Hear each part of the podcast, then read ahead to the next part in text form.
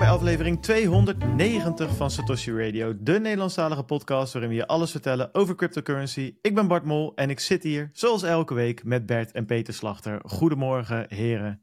Goedemorgen. Good morning. Good morning. Ja, Peter, hij is er weer. Lekker erbij. Ik zie dat je nog even je hand door je haren hebt gehaald. Een wilde bos. Ja, ja, heerlijk. We gaan er weer voor, jongens. We hebben er een beetje zin in. Leuk weekje geweest, toch? Zo. Gaan we het zo allemaal over hebben. Maar uh, even ja of nee? Ja, ja, wel, ja, ja, ik, vond het, ik vond het ook een vermoeiend weekje. Oké, okay, oké. Okay. Nou goed, dan, dan gaan we je een beetje ontzien. En dan op de momenten waar het echt nodig is, dan trekken we ah, Peter bij voor de duiding. Het is niet dat ik nou geen energie meer heb voor deze, okay. voor deze aflevering. Nou, dan maar knal jij eens even die host doorheen. Ja, zeker. We gaan, ja. we gaan verder. Als je wil, laat vijf sterren achter op Spotify. Uh, like de video op YouTube, word abonnee, uh, dat soort dingen. Je kent het wel. Laat ook even een comment achter op Spotify, dat kan hè. die lezen we allemaal, proberen we mee te nemen in de show als ze leuk zijn. Dus het is zeker de moeite waard. je ziet, die vul je nergens in. let op scam websites en phishing websites en phishing e-mailtjes en belletjes en sms'jes, noem het maar op. Als het over crypto gaat, wees waakzaam.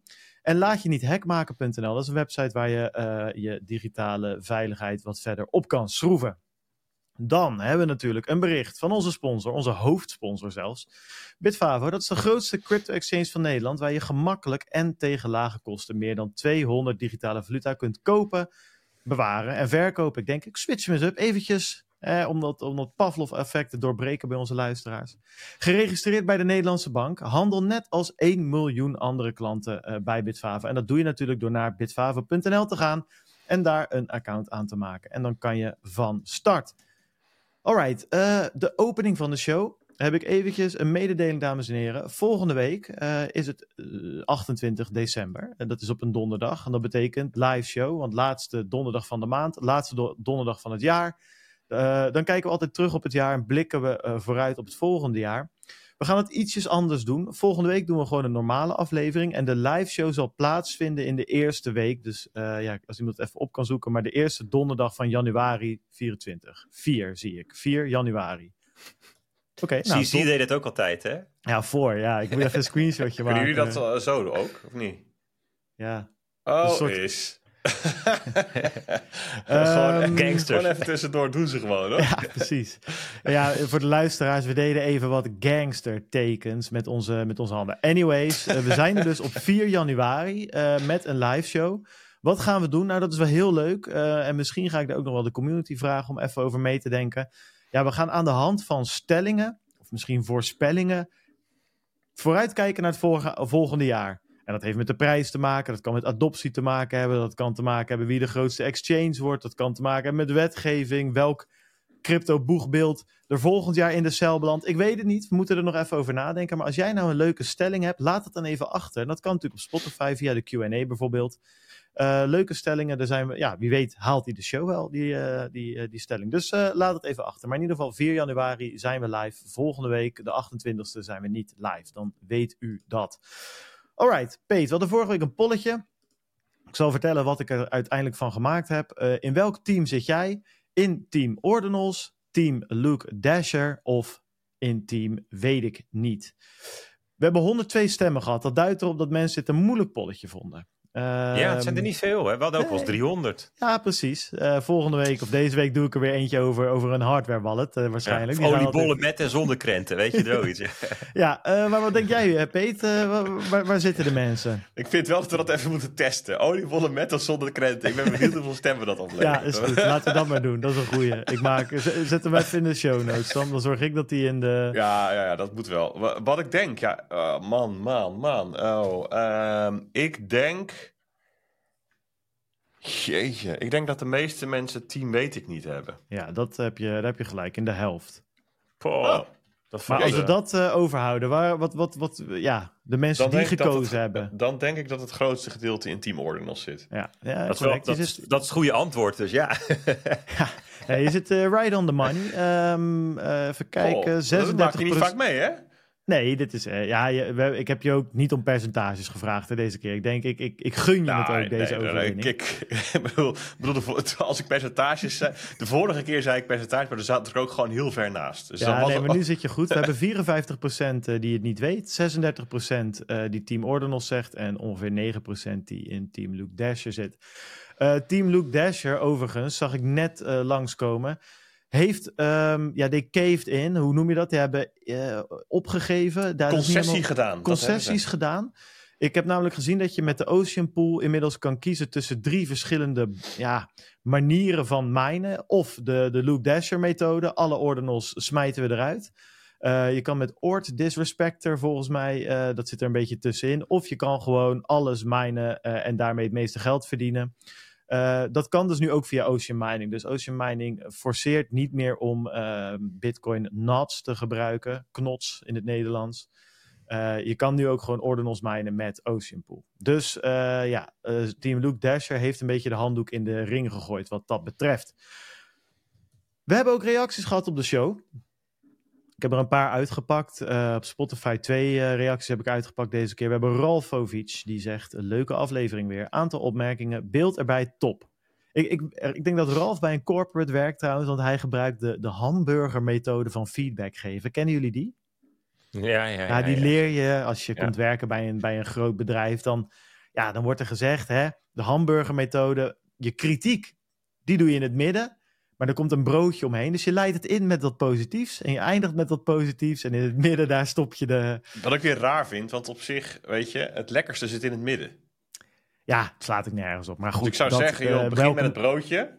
Trek die pleister eraf en daarna geef je even een lekker hamburgertje. Ja, nou, welkom in een corporate waar niks sens maakt, Peet. Dus dat, zo gaan die dingen gewoon. Maar hij zegt, beeld erbij, top. Uh, zeer goede marktbeet, as always. Uh, maar de rest ook top. Nou, het is een dikke hamburger begint hij mee. Brood, kaas, alles gaat erop. Maar hij zegt iets te veel reclame over Bitcoin Alpha. Schilderij van Peter, erg cool. dus ja, goed. Ja, Ralfovic. Um, ja, weet je wat het is? Wij zijn gewoon heel trots op Bitcoin Alpha. En het is ons werk. En het is de enige reclame die je in deze hele show moet horen. Dus um, ja, je zal het er toch gewoon een beetje mee moeten doen, jongen. Dat, uh, dat is het. Sterk. Dus, dus ik, ik, ik vind het wel heel erg pijnlijk hoor. Dus wel uit de categorie van um, uh, je hebt uh, fantastisch gepresteerd dit jaar. Je bent ontslagen en leuke trui. Een beetje ja. zo. Dat is toch, het zit nou een functioneringsgesprek. Nee, ja, Ralf, Ralf bedoel, bedoelt het goed. En nou, we zullen het proberen een beetje in de perken te houden. Maar ja, weet je, waar het hart vol van is, uh, loopt de mond van over. Ja, en wij zijn heel erg trots op de community. Die overigens kan vinden op bitcoinalpha.nl slash discord, Ralf. Uh, mocht ontzettend vette Bitcoin Alpha uh, campagne, actie, cadeau aan, jongen. Oh. Ja, daar ga je deze week van horen. Dus als je even lid wordt, ja, ja weet je... Hou je ogen Discord. Praat er mensen. nou niet elke keer doorheen als Wees ik probeer wakker. die link te delen, joh. jongen, jongen. Blijf scherp. Ra Ralf wordt alweer helemaal gek als ik het nu voor de derde keer ga zeggen. Dus dat ga ik niet doen. De mensen hebben het gehoord. Leon T. die zegt, leuke informatieve aflevering, mannen. Mis soms wel jullie informele alledaagse verhalen over broodbakken, bolognese saus en tips over het creëren van basilicum jungles. Ja, we professionaliseren, uh, Leon. En helaas, dan, uh, sommige darlings worden dan uh, de keel doorgesneden. Ja, dat hebben we gedaan. We willen zoveel mogelijk in die boelmarkt, zoveel mogelijk informatie geven, zonder dat de podcast drie uur duurt. Ja, en dan moet toch het brood bakken en de bolognese sausjes en de basilicum jungles. Ja, die, die, die delven dan het onderspit, helaas. Um, ja, kunnen er niks anders van maken. Uh, kom in de Discord, daar kan je, of in de tele, misschien is de Telegram groep dan weer hier goed voor geschikt. Daar kan je zoveel praten over bolognese sausjes als je wil. Ja, dit is um, eigenlijk, eigenlijk is dit uh, voer voor een soort van uh, behind-the-scenes-achtige podcast stream, hè? Ja, maar ja, goed, dan, dan, dan, ja, dan denk ik toch altijd dat we dan alleen Leon in, in het publiek hebben. Maar ja, ik goed, denk wie dat weet. er best dat... wel veel Leons zijn die willen weten hoe jij dat vieze bolognese sausje van je maakt, jongen. Ja, acht uur lang, acht uur lang bakken. Hey, we gaan door. Even, we houden het tempo erin. Uh, op Discord kregen we een vraag uh, in het uh, topic over, um, over de aflevering. Ties die vraagt zo'n eigen minertje, want ik had het over die nerd miner vorige week. Heb je dan een kleine kans om een blok te minen of is het onmogelijk? als de kans bestaat, zou je het dan als een loterij kunnen zien. Als je ter zijn tijd energie van zonnepanelen niet meer terug mag leveren, dan is dat best interessant. Nou, Ties met zijn nerdminer ga je nooit iets minen. Dat is, die kans is zo verschrikkelijk klein, dat, dat gaat niet gebeuren. Maar inderdaad, je zou wel een, um, een oude Antminer T9 of wat S9 kunnen kopen. Dat doen best wel veel mensen. En die kan je inderdaad gebruiken als je zonnepanelen aanstaan. Daar is de kans nog heel erg klein. Maar als je aansluit bij een miningpool, kan je daadwerkelijk uh, wel wat sats uh, verdienen. Dan heb je het over, ja, weet ik veel, als je hem een maand een beetje her en der laat draaien, ja, 100.000 sats of iets in die richting. Met de huidige uh, fees misschien nog wel ietsjes meer. Ja, ik, ik zag een grafiekje langs Bart, eh, heel even kort, dat um, met, met de huidige um, block reward, waar dus heel hoge fees in zitten, en de hoge bitcoin koers, dat nu zelfs S9's met de, ook weer gewoon winstgevend zijn geworden. Ja. Tijdelijk waarschijnlijk, hè, want na de halving en dan wordt het allemaal weer anders. Maar heel eventjes zijn ze dus weer... Ik had die grafiek uh, ook uh, gezien en ik weet toevallig ook het uh, energietarief wat, wat erbij zat om die berekening te maken. 6 cent per kilowattuur. Dus ja, in Nederland zitten we daar nog wel, um, helaas door onze hoge energiebelasting, uh, nog wel een stuk boven. Ik zag vanochtend in mijn dynamische contract 20 cent uh, voor een uurtje. Ja, dat, en het grappige was, uh, de, de inkoopprijs was 2 cent. Hè? Dus in principe, we, hebben, we zitten in Nederland soms op het niveau, maar door onze enorme belastingen op elektriciteit ga je het voorlopig nog niet redden om puur en alleen um, zonder zonnepanelen zo'n minertje aan te kunnen zetten. Dat is wel jammer. Maar wie weet uh, in, in, eh, dat het in de toekomst uh, nog, nog voor gaat komen. Zullen wij boekmarkjes op gaan pakken, jongens? Want er is deze week, die van mij zaten stampvol. Ik heb, ze, ik heb een hele lijst, maar het zijn allemaal leuke kleine dingetjes. maar daar kom ik zo wel op terug. Bert, ik, ik zag wat dingen bij de CryptoCast langskomen die door Amdax geretweet werden. Natuurlijk ook sponsor van ons. En die hadden wel een interessant nieuwtje. Ik vond het interessant vanwege mijn verleden als uh, auditor-accountant. Uh, maar ik hoorde jou daar ook uh, wat dingen over zeggen. Ik zie hem hier ook in je boekmark staan, dus laten we daar eens mee af, aftrappen. Ja, ik, ik, ik was samen met Peter te gast bij Herbert bij de CryptoCast. We gingen de CryptoCast van de tweede kerstdag opnemen. Volgende week dinsdag komt die online, dat is de podcast. En dan hebben we een terugblik op uh, dit jaar. Denk ook leuk om die uh, met, uh, volgende week te, te luisteren. Maar daarvoor af, aan voorafgaand was het gewoon het radiostuk. Dus drie, drie, 24 minuten radio. Waarvan het eerste nieuwtje was dat Amdax um, een, een ISAE 3000 type 1 audit had gedaan. Heeft gedaan. Heeft uh, ja, hoe zeg je dat, Bart? Heeft goedgekeurd gekregen? Heeft ondergaan. Heeft, ja, nou ja, dat is inderdaad laten doen, ondergaan inderdaad. Ja, ja, ja. klopt. Ja. Dus, dus wat zij hebben gedaan is um, het afgelopen jaar um, uh, een, een, een heel zwaar, um, intensief voorbereidingstraject gehad samen met Deloitte een van de Big Four. En dan hebben ze dus nu als soort van rijexamen aan het eind van een hele lange uh, periode van rijlessen. Heb je helemaal aan het eind een, een audit door een andere partij, namelijk in dit geval Grant Thornton, die um, registeraccountants en IT-auditors meenam. En die gingen dan kijken respectievelijk naar de financiële en de IT-processen. En dan gingen ze kijken of datgene wat er opgeschreven was uh, of dat dan ook overeenkomt met hoe het daadwerkelijk in elkaar zit. En dan, uh, als dat allemaal goedgekeurd wordt, dan heb je een audit ondergaan en dan heb je een handtekening op een papiertje. En wa wa wat, wat wilden zij daarmee nou doen? Um, nou, nou, wat uh, het, het doel ervan was kunnen aantonen dat onder elke omstandigheid alle klanten al hun geld en al hun crypto assets kunnen opnemen. Dus dat komt een beetje, de achtergrond ervan. Um, ga toch terugdenken naar 2022, toen al die cryptobedrijven omvielen. Um, ik, wat dat betreft wel eh, bijzonder. We keken natuurlijk terug in de cryptocast weer. En dan zit je toch nog weer te overdenken van...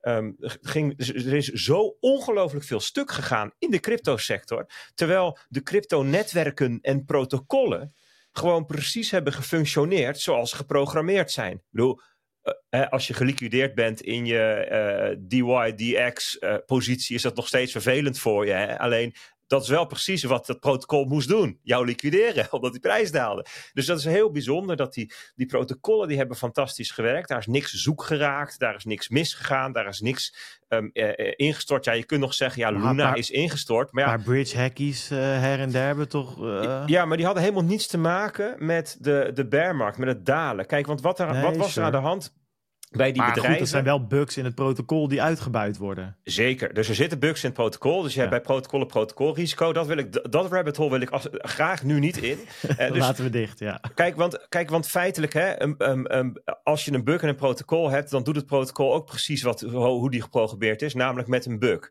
Hè, en bedoel, Luna, de instorting van Luna, dat was natuurlijk het falen van een protocol. Maar wat er faalde was het idee en niet het geprogrammeerde zelf. Kijk, en dat is waar ik namelijk heen wil twee dingen.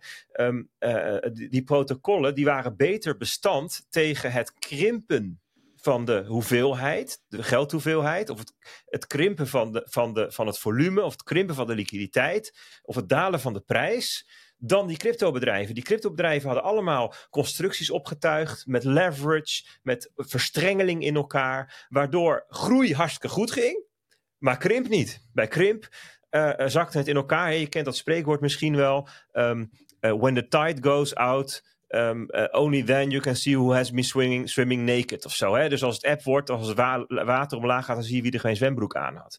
Um, en dat gebeurde bij die cryptobedrijven heel erg. Je zag ineens allemaal mensen in een blote kont staan. Um, terwijl die, bij, die crypto, bij die cryptoprotocollen, dan kan je on-chain kan je zien, het is transparant. Je kunt zien wat er gebeurt, je kunt de broncode lezen. Er kan natuurlijk alsnog een bug in zitten, maar je kunt het wel lezen, je kunt bekijken en, en dat beoordelen. En dat kun je zien en bij een cryptobedrijf. Dat is een black box. Wat gebeurt daar? Wat, wat, wat was Alex Mashinsky aan het doen bij Celsius? Hij zei: Dit is de veiligste bank die er is. Bij ons blijf je altijd eigenaar van je Bitcoin en je kunt het al ophalen. Dat zei hij. Maar wat hij deed was wat heel wat anders blijkt achteraf. Achteraf was hij gewoon met geld van de klant aan het gokken. Dat, dat, dat, zie je van buitenaf niet. Dat kun je niet zien. Dat is het probleem van een bedrijf. Dus die bedrijven die zijn er nu eenmaal simpelweg omdat de protocollen en de, en de netwerken nog niet gebruiksvriendelijk genoeg zijn. Hè, dat, is, dat een van de dingen waar ik me overigens persoonlijk mateloos aan irriteer. En dat is, ik bedoel, dat, dat is een soort eh, de vorm van irritatie. Dat ik denk van, ah, kunnen we dit nou niet beter maken? Weet je zo, dat. Hè, van, want ja, het is gewoon voor massa-adoptie nog niet goed genoeg, nog niet handig genoeg, niet logisch genoeg, nog niet gebruiksvriendelijk. Hè? Dus er zit, zit iets in van voorspelbaarheid, um, vergevingsgezindheid, weet je, dat soort dingen. Dus je hebt bedrijven en zolang die er zijn, zullen daar dus partijen tussen zitten die te veel risico nemen. Maar dat heeft er ook mee te maken dat als jouw buurman veel risico neemt, dan moet jij het eigenlijk ook, anders gaan de klanten naar de buurman. En dus de, een van de conclusies die we met elkaar trokken was, hè, na afloop ook van FTX, we moeten um, regels maken om ervoor te zorgen. Dus we moeten, ja, om ervoor te zorgen dat de cryptobedrijven um, um, dat er een gelijk speelveld komt. Dat ze zich allemaal aan dezelfde regels houden. Dat ze, dat ze niet uh, um, zeg maar over elkaar heen buitelen in het meer risico nemen. Um, dus we moeten niet regels maken om die technologie in te dammen of te verbieden. Die functioneerde eigenlijk best aardig. Je wil misschien dat. dat die functioneerde best aardig, laat ik het daarbij houden. Het gaat om die bedrijven. Um, Oké, en dan zegt men eigenlijk wereldwijd, nou, Mika, poh, dat is goede wetgeving. Hè? De, van, afgelopen dinsdag is de, de, de CryptoCast met, met um, Elke Karskens online gekomen. Dat is de nieuwe country manager um, voor Benelux en de Nordics voor Coinbase. En zij zegt, wij van Coinbase zijn fan van Mika. Dit is gewoon echt zo ongelooflijk veel beter dan wat we in Amerika hebben, enzovoort. Maar ja, als je naar Mika gaat kijken, dan zit daar verder er, zit, er, er, zitten heel wat dingetjes in die moeten, uh, ervoor moeten zorgen dat bedrijven gaan handelen in het belang van de klant. Hè? Dat is eigenlijk het grote opschrift boven Mika. Maar ook met Mika kan er nog best wel misgaan. Er zijn best wel nog grote gaten in um, de eisen die gesteld worden aan bedrijven. Het is, hij is, Mika is nog best wel mild in vergelijking met MIFID. Dat gaat over financiële uh, instrumenten, hè, over banken en dat soort dingen. Um, ja, dus, dus, dus dan kom je nog op de vraag hè, van hoe ga je dan als bedrijf met dat trauma van 2020 in je achterhoofd aantonen dat je daadwerkelijk um, niet stunt met het geld van je klanten. Dat je doet wat je zegt. En dat je zegt wat je doet. Ik bedoel, Alex Mashinsky zei dingen, hij deed wat anders. Hoe ga jij aantonen, hoe ga jij bewijzen naar je klanten dat jij wel doet wat je zegt? Dat is een hele interessante, grote vraag. En, en Andax heeft gezegd, weet je wat wij gaan doen? Wij gaan zo'n ISAE 3000 audit doen, waarbij we alle activiteiten die we hebben in scope brengen. Dat is heel belangrijk, want bij ICE 3000 bepaal je zelf de scope. Dus je kan ook een heel klein, je kan bijvoorbeeld ook je HR-processen uh, ICE 3000 certificeren. Ja, weet je, dan heb je, dat, dat zeg je, ik heb zo'n certificaat of ik heb een audit gedaan. Maar ja, dat gaat er maar over een mini, mini, mini stukje van je business die helemaal niks te maken heeft met crypto-stuk. Daar heb je geen reden aan natuurlijk als klant. Eh, dat zegt niks, bedoel ik maar. Zij, zij zeggen wij brengen al onze activiteiten in scope. Nou, ze hebben voor deze eerste audit er nog twee buiten gelaten om praktische redenen. Die gaan ze 2024 nog erbij doen. En, en met als doel om te laten zien dat ze daadwerkelijk altijd het geld van de klant hebben. En ik vind dat eerlijk gezegd ehm, ja, wel gewoon heel stoer.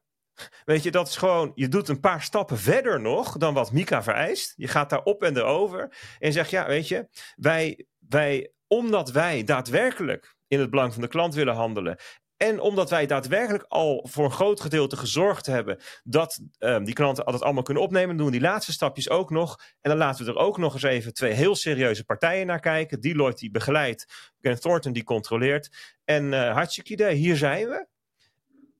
En uh, ja, we leggen de lat lekker hoog. Laten we eens kijken of er andere partijen zijn die daarbij kunnen aansluiten. En op zichzelf is het, denk ik, want ja, ik had er ook met Bart over. Ik wil zo meteen ook graag van Bart horen hoe hij hiernaar kijkt als ex-IT-auditor. maar van, um, het is eigenlijk een gek ding, dat ISAE 3000. Je hebt allerlei soorten auditstandaarden, SOC 1, SOC 2. En dan heb je ook nog ISAE 3402. En je hebt nog ISO-dingen. En die gaan allemaal weer over net andere soortige dingen. Soms gaat het over databeveiliging, over informatiemanagement. Over... En, en wat betekent nou wat? En ik dacht, waarom is het nou eigenlijk zo ondoorzichtig? En dat komt omdat ze eigenlijk helemaal niet bedoeld zijn voor consumenten bedoel, in Nederland is zo georganiseerd dat je als consument altijd mag verwachten dat wat er verkocht wordt deugt. En als jij in de winkel speelgoed koopt voor je kinderen, dan mag jij ervan uitgaan dat ze er niet in gaan stikken. dat is zo georganiseerd dat speelgoed alleen maar mag verkocht worden als het ook gecheckt is op veiligheid. en als jij een auto koopt, dan mag je ervan uitgaan dat die uh, dat, daar, dat die getest is, dat die toegelaten is op de weg, weet je wel. Dus dat geldt, dat geldt voor consumenten. Dat geldt niet voor um, business to business. Dus als jij zaken doet met een andere partij, dan moet je zelf je due diligence doen. En daar is die ICE ook voor gemaakt. Dat als stel dat jij um, zaken doet met een leverancier, dat die, dat die leverancier kan aantonen aan jou, joh, ik heb mijn zaakjes op orde. En daarom kennen wij dit als consumenten niet zo. Maar ja, wij zitten nu eenmaal in een, in, de, in een, in een sector. Uh, te maken, de cryptosector, waar die regelgeving en die nog niet zo streng is dat je als consument kunt vertrouwen: oké, deze partij um, is in Nederland toegelaten, dus het is veilig. En dat gaat met Mika ook nog eigenlijk niet ver genoeg. Want als je straks onder Mika zit, dan nog kunnen daar allerlei ja, bochten afgesneden zijn. En dus, dus misschien met Mika 2 of Mika 3 dat dat straks wel het geval is. Maar tot die tijd vind ik eigenlijk, ja, zou ik het een heel goed idee vinden als alle cryptobedrijven gewoon met zo'n soort uh, um, ja, stempel laten zien. Jongens, wij hebben alles gedaan wat wij kunnen om ervoor te zorgen ja, dat jouw geld, dat jouw assets daadwerkelijk op, in elke stap, in elke activiteit gewoon veilig zijn.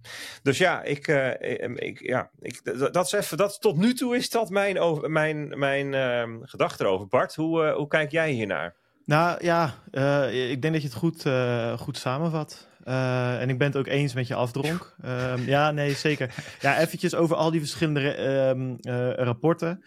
Ja, uh, het is ook wel lastig hoor. Alleen het is ook veel dingen zijn eigenlijk hetzelfde. Bijvoorbeeld zo'n 3402 rapport is een beetje de Europese variant van een SOC 1 rapport. Want dat is weer de Amerikaanse variant. En een SOC 2 is weer hetzelfde als de 3000. En nou goed, dan heb je die ISO's. Dat zijn weer meer certificeringen in plaats van, van audit of assurance rapporten. Dus het is lijkt allemaal inderdaad wel heel erg veel op elkaar. Ja, het komt erop neer. Um, ja, dat een ISAE 3402 is over het algemeen gericht uh, als het gaat om, om, om processen die belangrijk zijn uh, voor, voor het beoordelen van je, jaar, je jaarrekening. En een ISAE 3000 uh, zijn, is, alles wat daar een beetje buiten valt. En wanneer doe je dat nou? Nou, heel kort gezegd. Um, ik zeg maar even wat, uh, Egon is een pensioenuitvoerder. Uh, en heel veel bedrijven die outsourcen hun pensioenadministratie naar Egon. Hè, als ik uh, met Bert en Peter een bedrijfje heb met 40 man in dienst, dan ga ik niet zelf al die pensioenen regelen, dan ga je naar Egon. En dat doen nog duizenden andere klanten. Maar al die mensen, al die bedrijven willen wel weten dat het goed gaat bij Egon. Dus ze kunnen allemaal een eigen auditor sturen dan heeft Egon opeens duizend auditors over de vloer. Dat willen ze niet, dus wat doen ze zelf? Ze huren één auditor, die maakt een rapport en dat rapport stuur je naar duizend klanten. En dat is in het kort gezegd wat zo'n ISAE-rapport is. Dat is precies ook wat Bert al aangeeft. Dat gaat dus niet naar iedereen. Dat gaat in principe naar de klant en dan specifiek naar de accountant van die klant. Want die heeft dat nodig in de jaarrekening. Want het is wel gewoon een bedrijfsproces, het pensioenproces. Daar gaat geld in om. Dus bij pensioenprocessen zie je vaak bijvoorbeeld dat een ICE 3402 is, omdat de accountant van uh, de klant van Egon in dit geval het nodig heeft om de jaarrekening uh, compleet te maken. Nou, dat is hier iets anders, maar er zijn natuurlijk wel heel veel klanten van Amdax die willen weten van, joh, zit het goed bij jullie? Nou, dan kan je dus kiezen voor zo'n 3000 rapport en dan inderdaad kies je een scope en dan zeg je, deze bedrijfsprocessen brengen wij in scope. En wat je dan eigenlijk doet, is het aantonen dat je beheersomgeving, je beheersmaatregelen om die processen, zodat je de risico's hebt onderkend en dat je controles, controls uh, in je organisatie hebt en compliance uh, documenten, noem het maar op, om die risico's binnen de perken te houden. Dus bijvoorbeeld bij het opslaan van Bitcoin, ik zeg maar wat, ja, dat niet iedereen zomaar bij die seed kan. En bij het uitbetalen van Bitcoin, dat er misschien een multisig op zit. Weet ik het, dat kan je op verschillende manieren inregelen. Maar dat beschrijf je als uh, bedrijf en dat breng je in de werkelijkheid. Dat noemen we besta uh, opzet en bestaan van een controlemaatregel. En dat is wat er getest wordt in een ISAE 3000 type 1. Dan, en dat is, dat is al best wel uh, veel. Want het, het interessante is, een auditor kan niet zomaar roepen van... ja, vinden we wel prima. Of we zetten een handtekening onder en we kijken wel. Nee, als de auditor nalatig is, dan kan die uh, aangeklaagd worden door klanten van Amdax. Bijvoorbeeld van, joh, jullie hadden moeten zien dat het fout zat en jullie hebben dat niet gedaan. Dus we klagen jullie nu aan voor de schade. Uh, een accountant kan uit zijn ambt gezet worden. Hè? Dat hij nooit meer het beroep van accountant uit mag voeren. Als je fraude door de vingers ziet, ik zeg maar wat, als accountant, dan ga je gewoon de bak in. Of in ieder geval die kans zit erin. Dus mijn punt is even, een handtekening van een uh, accountant onder een ICE 3402 of een ICE 3000 is, be betekent wat. Serieus hè? is dat? Dat is serieus inderdaad. Ja. Het enige wat ik nog mee wil geven, uh, wat nog wel interessant is, ik had het net hè, over opzet en bestaan van controlemaatregelen. Wat je dus in zo'n 3000 type 1 doet, is het kijken van, joh, op een bepaald moment in het jaar, of gewoon in de tijd. Het is een soort foto die je maakt, een snapshot van die processie. Je gaat kijken van oké, wij gaan nu 21 december 2024 schoppen wij de deur in bij Amdax en we gaan eens even kijken of alles wat ze opgeschreven hebben ook daadwerkelijk uitgevoerd wordt op dat moment. En dan heb je bijvoorbeeld over uh, IT general controls, dus zitten er wachtwoorden op systemen? Worden medewerkers die uit dienst zijn daadwerkelijk verwijderd? Iets dat bij Ledger dus niet gebeurde en leidde tot zo'n hack. Nou, daar zie je al meteen waarom die controles belangrijk zijn. Is er een change management proces? Hoe gaan ze om met zus? Hoe gaan ze om met zo? Nou goed, ja. de, hè, dat stuk.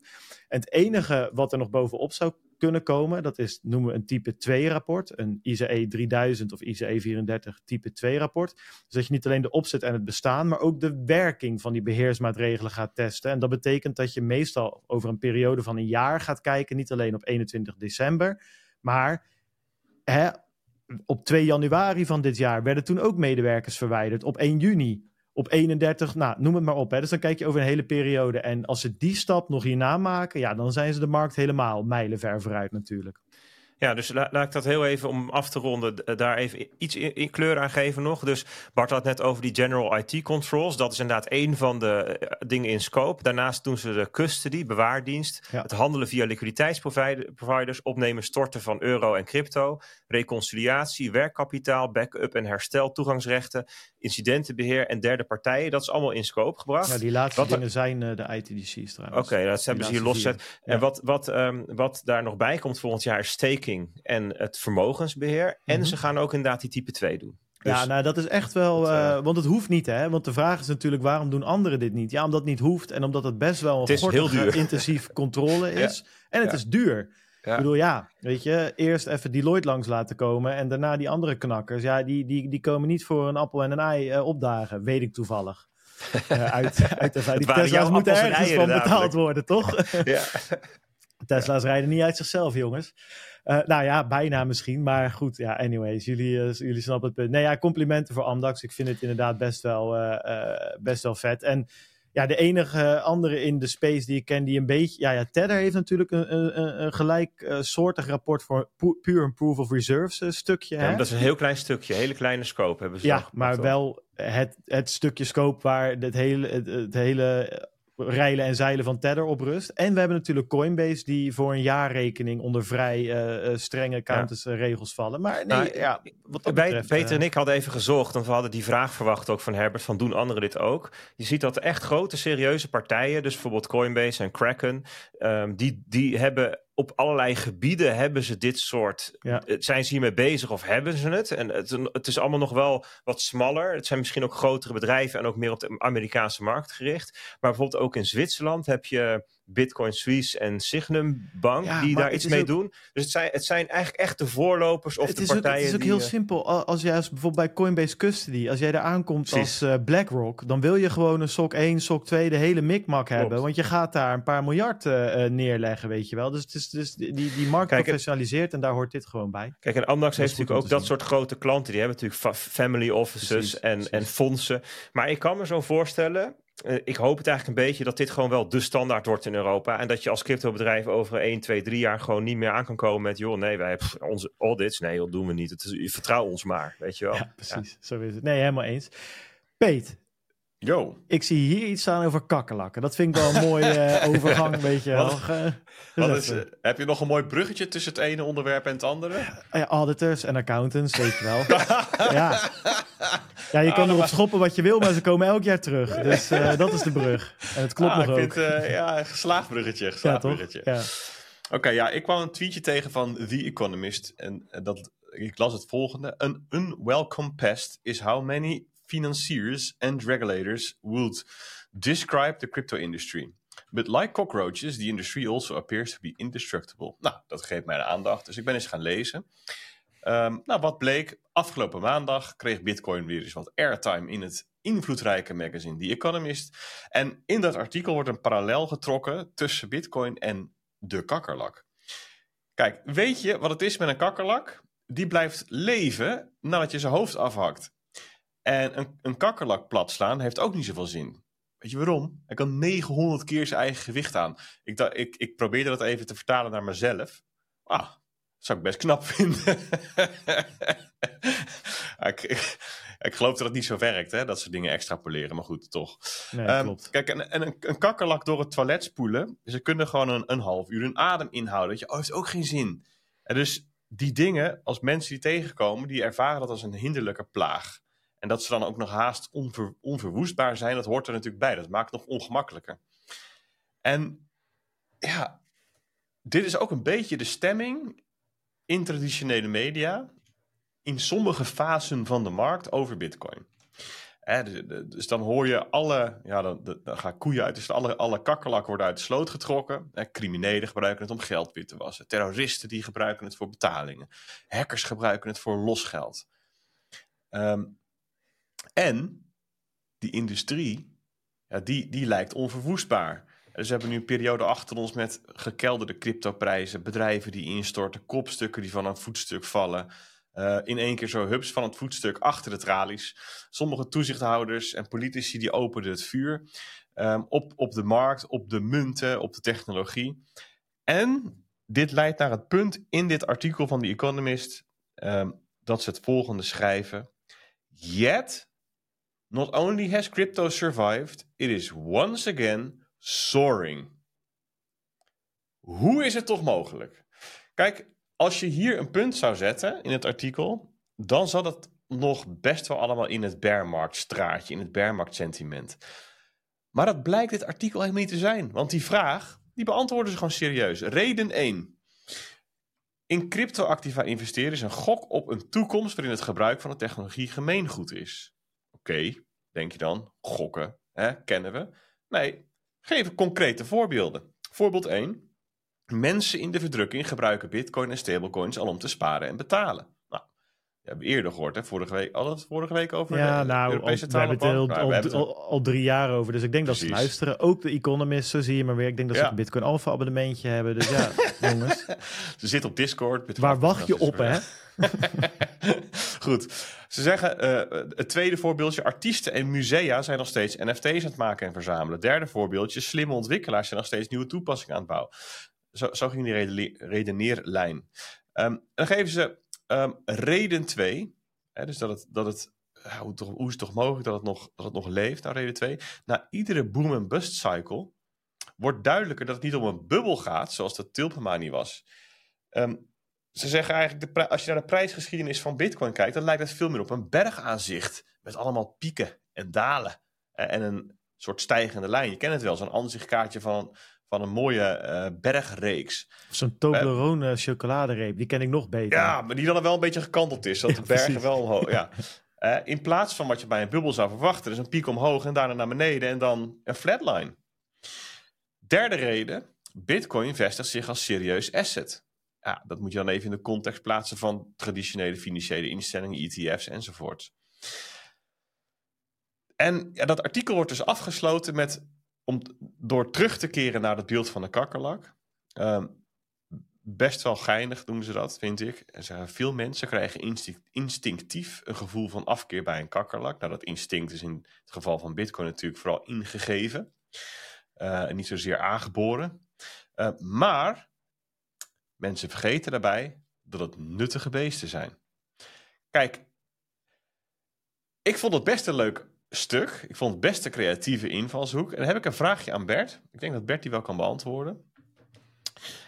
Bart misschien ook wel. Waarschijnlijk wel. Op 19 november, het was niet dit jaar, 2022. Um, verscheen een heel andere versie van The Economist.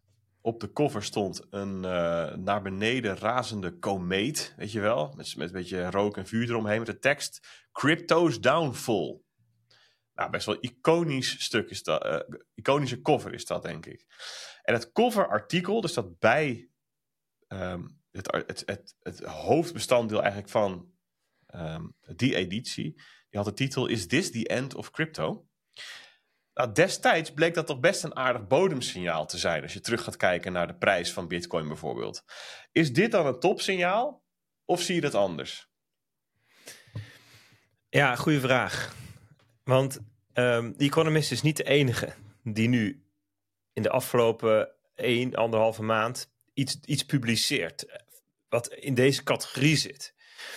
En dus rond de bodem had je de Economist, wat jij net noemde. Die had ook Bloomberg, Bloomberg Business Week. Die kwam toen met um, The End of an Empire of zo. Met het, de kop van, uh, van Sam Bankman-Fried. Je had toen de ECB, hè, die zei Bitcoin is op weg naar irrelevantie.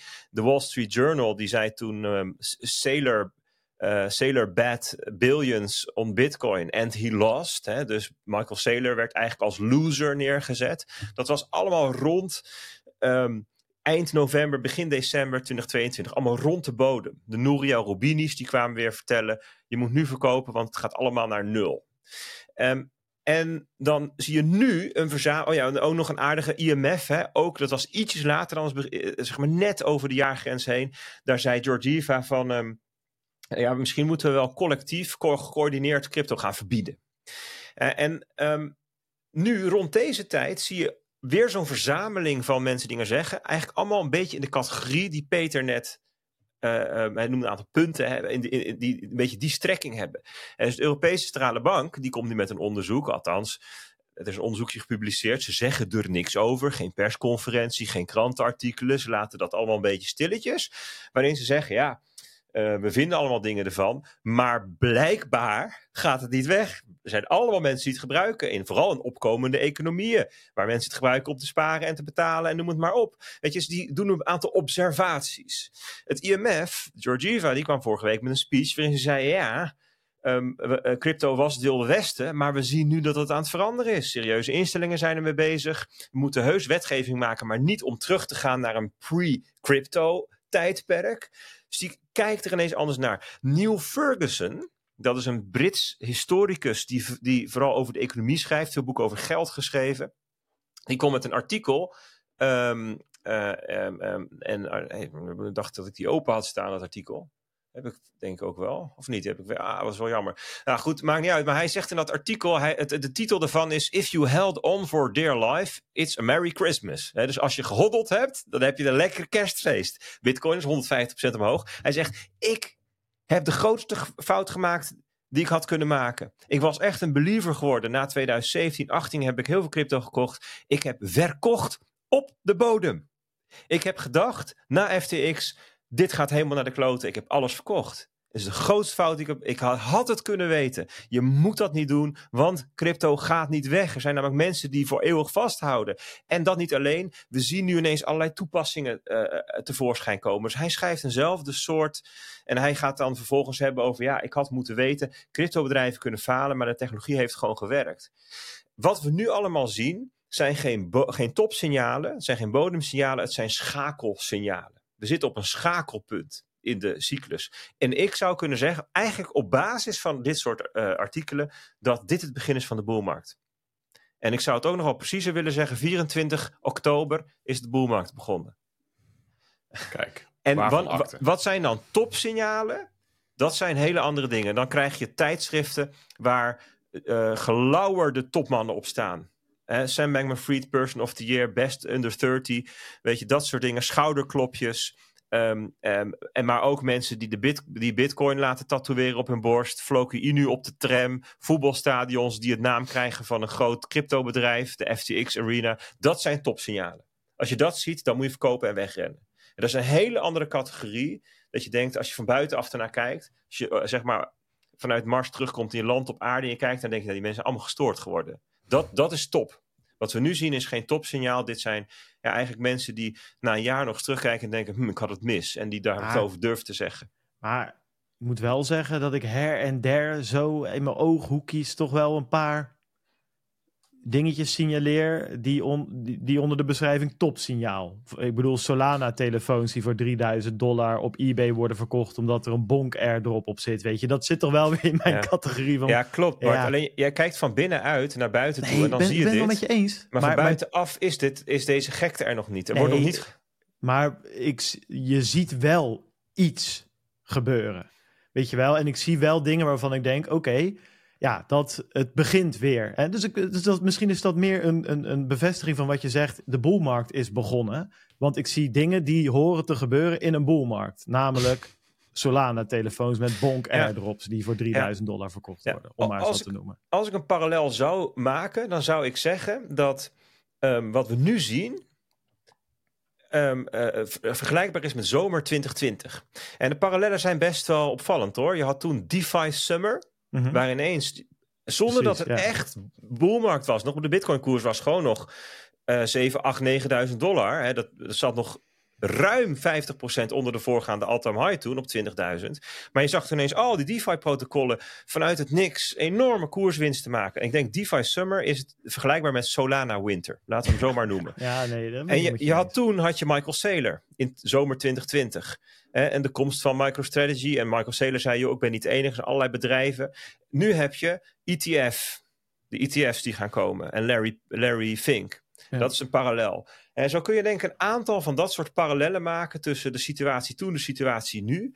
Die, die heel opvallend zijn. Toen had je de Grayscale Premium, die een ongelooflijke invloed had op de markt. Nu mm. zie je het teruglopen van de Grayscale Discount, die een grote invloed heeft op de markt. Toen had je de, dat, dat, dat Trump ging verdwijnen naar Biden toe. Nu zie je dat er weer presidentsverkiezingen komen. Je ziet op allerlei manieren Um, dus als ik het zou moeten timen, dan zou ik eerder zeggen: we zitten nu in zomer 2020, dan dat we nu in de boelmarkt zitten. Als je het hebt over boelmarkt, zeg maar rond zomer 2021. Ja, nee, dat ben ik met je eens. Ik zie, ik zie trouwens wel weer, um, ja, Bart noemt even Solana. Ik zie best wel een, een heftige toename weer van allerlei um, FOMO aanwakkerende shit langskomen ja, op Twitter bijvoorbeeld. Ja. Weet je wel? En ik ga er niet te lang over uitweiden. Hè, want op zichzelf is dat crypto casino, dat, dat zich nu volledig met het, met het volledige gewicht eigenlijk in het Solana-ecosysteem heeft gevestigd. Uh, met, nou. met, met de creatie van tientallen, honderden, misschien wel duizenden tokens en memecoins en, en verhalen als gevolg. En dat kan best leuk zijn om daar een deel te nemen. Aan zich heb ik daar, ik heb daar niet principieel iets tegen, helemaal niet. Maar um, neem, als je in de cryptowereld actief bent en je ziet dit ook langskomen, neem het niet al te serieus. prima dat je, neem eraan deel als je dat leuk vindt. Um, ik denk dat het een casino is met betere winstkansen dan in een Holland casino. Dus wat dat betreft kan het een leuk avondje uit zijn. Um, maar de berichten van mensen die zeggen van... joh, kijk mij eens, ik heb met 100 dollar heb ik een miljoen van gemaakt. Nou, hoe ik dat deed is als volgt. En volg mij, weet je wel. Of dit is de top 10 small caps die ik heb gevonden. Hier moet je instappen. Met... Ze, ze, kunnen je het gevoel geven dat je gek bent om het niet te doen. Dat je de boot mist. Dat je het nu moet doen. Dat je het met veel geld moet... I don't know. Eh, negeer die shit. Eh, eh, ja, dus nog eventjes een... Um, uh, een, een, korte kleine waarschuwing, kanttekening bij. Want we, gaan er verder in de show niet, veel, niet heel diep op in of zo. Over de meme-hype en, en, en, en alles wat daar nu gebeurt. Maar deze kanttekening wilde ik er nog wel even bij plaatsen. Ja, nou, 100.000 procent. Uh, 100, ja, eens. Helemaal eens. 200.000 procent. Nee, maar ja, nog meer. Volg mij tips om het nog meer procent eens. Als je, als je diep in de cryptowereld zit, is dit misschien wel een hartstikke leuk moment voor je. Dat ik, geen uh, no hard feelings verder. Um, ik zie het soms langskomen en denk van, ah, dat is wel geinig. Oh, dat is wel een leuke, leuke meme hebben ze bedacht. Nee, oh, weet je wel, prima. Um, maar ja, ga niet hou geloven. er gewoon rekening mee dat er allerlei mensen met voorbedachte raden dingen roepen, ook gewoon om hun eigen backs te pumpen. Precies. en, en, ga niet geloven dat Doge with het daadwerkelijk waarde heeft. Want dat willen ze op een gegeven moment ook doen geloven. Hè? Want om die scam, of scam, om het casino draaiend te houden, wordt op een gegeven moment gezegd, we hebben een roadmap. En we gaan de tokens utility geven. We, inderdaad, wees daar nou gewoon kritisch op. En, en blijft, een, blijft een casino, dat soort dingen. Um, inderdaad, Peter, helemaal eens. Goed gezegd. Um, ik heb um, ook nog wel wat dingetjes um, uh, op een rijtje gezet. Zal ik die eens even, uh, eens even oppakken? Ik werk even één dingetje wat ik hier nog even zie uh, bij. Nou, ik heb, jij zegt het hele, e wat is het? casino-ecosysteem heeft zich naar Solana verplaatst. Nou, vlak Bitcoin niet uit op dit ja, moment. Ja, dat is wel een goed punt. Er gebeurt ook voor alles rondom Ordinals. Dat is echt wel... en, en ik heb hier weer een lijstje bij elkaar wat alles wat ik vorige week ook zei weer laat zien. Positieve dingen, negatieve dingen, noem het maar op. FOMO, hype en uh, je krijgt van alles wat. Um, namelijk, 16 december was een historische dag. Ik zag daar een tweetje over. Even kijken van Bart.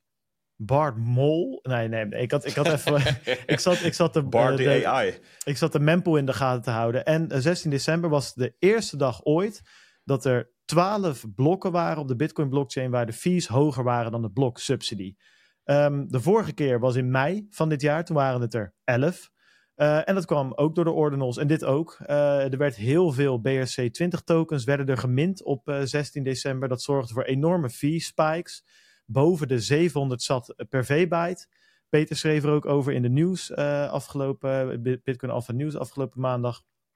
En um, ja, zo hoog hebben we het eigenlijk nog nooit gezien in de recente historie van Bitcoin. Heb ik het over de afgelopen zeven jaar, pak een beet. Um, dus ja, 12 blokken waar de uh, fees hoger zijn dan de subsidie. Dus de miners die lachten zich kapot. In plaats van dat ze net als de afgelopen maanden 6,5 bitcoin kregen, kregen ze opeens 12 plus bitcoin. Ja, dat is lekker, uh, lekker boeren. Vorige week uh, vroeg ik mezelf af, wanneer komt MetaMask, de meest populaire Ethereum DeFi wallet, NFT wallet, met ordinals, bitcoin um, functionaliteit? Nou, daar moeten we nog even op wachten. Maar de andere uh, populaire uh, DeFi wallet, Phantom, dat is origineel een Solana wallet volgens mij. En dat is inmiddels ook Ethereum en ook Bitcoin. Die hebben dus uh, BSC20 en NFT ordinal functionaliteit toegevoegd. Ja, en dat is interessant, want dat is dus wel gewoon een wallet met voor mij 2, 3 miljoen gebruikers.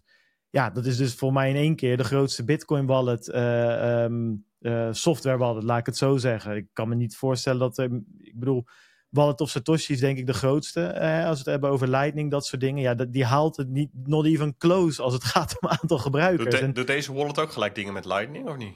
Uh, nee, dat niet. Het is volgens mij nu puur gewoon die BRC20 uh, hype. Ander voorbeeld van functionaliteit die toegevoegd wordt aan software, die ik heel vet vind. Mempool.space, de meest populaire block explorer voor Bitcoin die hebben nu goggles, Mempool goggles toegevoegd. dus een soort van uh, ja, brilletje. Hè? Het lijkt een beetje op een, zo'n Apple eh, VR-bril. En wat kan je daarmee? Uh, daar kan je blokken mee inspecteren en dan kan je ze filteren. Dus je kan zeggen, ik wil weten welke transacties gebruiken Taproot, welke transacties gebruiken Segwit, welke transacties zijn inscriptions. Dus je kan heel zo'n blok gaan analyseren. Best wel interessant om te zien, bijvoorbeeld in een oogopslag, hoeveel um, transacties in een blok inscriptions zijn Vond ik ook weer zoiets waarvan ik denk, ja, wel vet. Ehm, ik zag iets anders langskomen. Uh, een partij die gaat een open protocol indexer maken. En wat is dat? Dat is een manier om ehm, ja, een indexer heb je nodig om BRC20 tokens te tellen. Hoeveel iemand heeft. en het grappige is dat al die exchanges die nu BRC20 eh, tokens aanbieden, die hebben hun eigen indexer en die verschilt van elkaar. Dus het zou zomaar kunnen dat jij op OKX meer BRC20 tokens hebt dan op Binance. Het is zo zootje wat dat betreft. Nou, en zij doen een poging om met zo'n open eh, source indexer dat recht te gaan trekken. Vond ik ook interessant. Uh, runes. Casey uh, Rod Armor. Hè, de, de, ja, Casey. Ik moet dan altijd denken aan Casey Neistat. Ja, had vorige week Casey en, en Jojo. en ik moet dan ook denken aan Casey als in gewoon de een Nederlander. Gewoon Casey, weet je wel. K-E-E-S-I-E. Aan Casey die, die van, van Dumpert, weet je wel. Die, die Mercedes. Mercedes. Ja, precies. Casey, nou goed. Um, maar die is dus hard aan het werk uh, om een betere manier te maken om tokens op Bitcoin te doen. En dat heet Runes. Uh, nou, zet je klok er maar op gelijk. Uh, dat daar ook natuurlijk weer een hoop hype uh, rondom komt. Mits Bitcoin dan nog in een bull market zit tegen die tijd. Uh, maar er komt deze week meer informatie over. Het is ook iets om in de gaten te houden. mocht je dat leuk vinden. Een andere tweet die ik las. Ook weer, ja, dacht ik, is ook alweer interessant. Danny Deasy, Danny D. Kruger. Uh, dat is een die, die zit met zijn bedrijf in de ordinals en weet ik het allemaal, vooral de NFT's. En die zegt: At current fee rates, it would cost 1700 Bitcoin or uh, uh, 73 million dollars to inscribe the Astral Babes collection. Dus wat zegt hij daar nou eigenlijk? Als je nu want heel veel bitcoiners zeggen wel, ja, ik ben helemaal klaar met die JPEGs. Ja, maar het zijn dus helemaal geen JPEGs meer, want die zijn veel te duur om te inscriben. Als je op dit moment een plaatje van 200 kb in de bitcoin blockchain wil zetten, betaal je 7.000, 8.000 dollar. Dus niemand doet dat meer. Weet je, het zijn geen JPEGs meer, het zijn geen NFT's meer. Maar wat, wat daar een implicatie van zou kunnen zijn, ja, als er geen NFT's meer bij komen, geen plaatjes, ja, misschien, misschien worden de collecties die er dan al geïnscribed zijn, dus die wat hadden we allemaal? Uh, volgens mij hebben we uh, kikkers en punks en bitcoin punks en nou, noem ze allemaal maar op. Alles wat er al in staat, wat vorig jaar erin gezet is, kan wel eens heel erg veel waard worden, zegt hij. Omdat er niks nieuws meer bij komt, omdat de fees daar te hoog voor zijn. Interessante gedachte, vond ik. Een soort van level 3 implicatie. Dan als laatste, wat ik langs zag komen, heeft ook met die hoge fees te maken.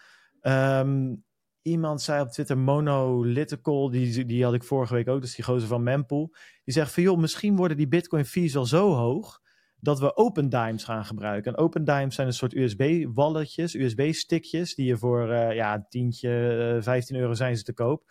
Het zou natuurlijk kunnen, als je daar je bitcoin op zet, dat ik gewoon betaal door jou die USB-stick te geven. Dat letterlijk gewoon cash wordt. Hè, dus dat ik zeg, nou je kan het checken. Hier staat een UTXO op en die is uh, 500 uh, euro waard. Peter, ik wil jouw PlayStation 5 wel kopen. Ja, hier heb je die USB-stick en ik wil jouw PlayStation 5. Dus een soort van fysieke tweede laag had hij het over. Dat vond ik een interessante gedachtegang. Het is voor mij meer iets, daar moet ik nog even induiken. Want uh, hoe zet je je bitcoin op zo'n uh, open dime? Ik bedoel, dit is alleen maar interessant als je daar geen transactie voor hoeft te doen. Als je gewoon je seed kan importeren of zo. Moet ik even checken.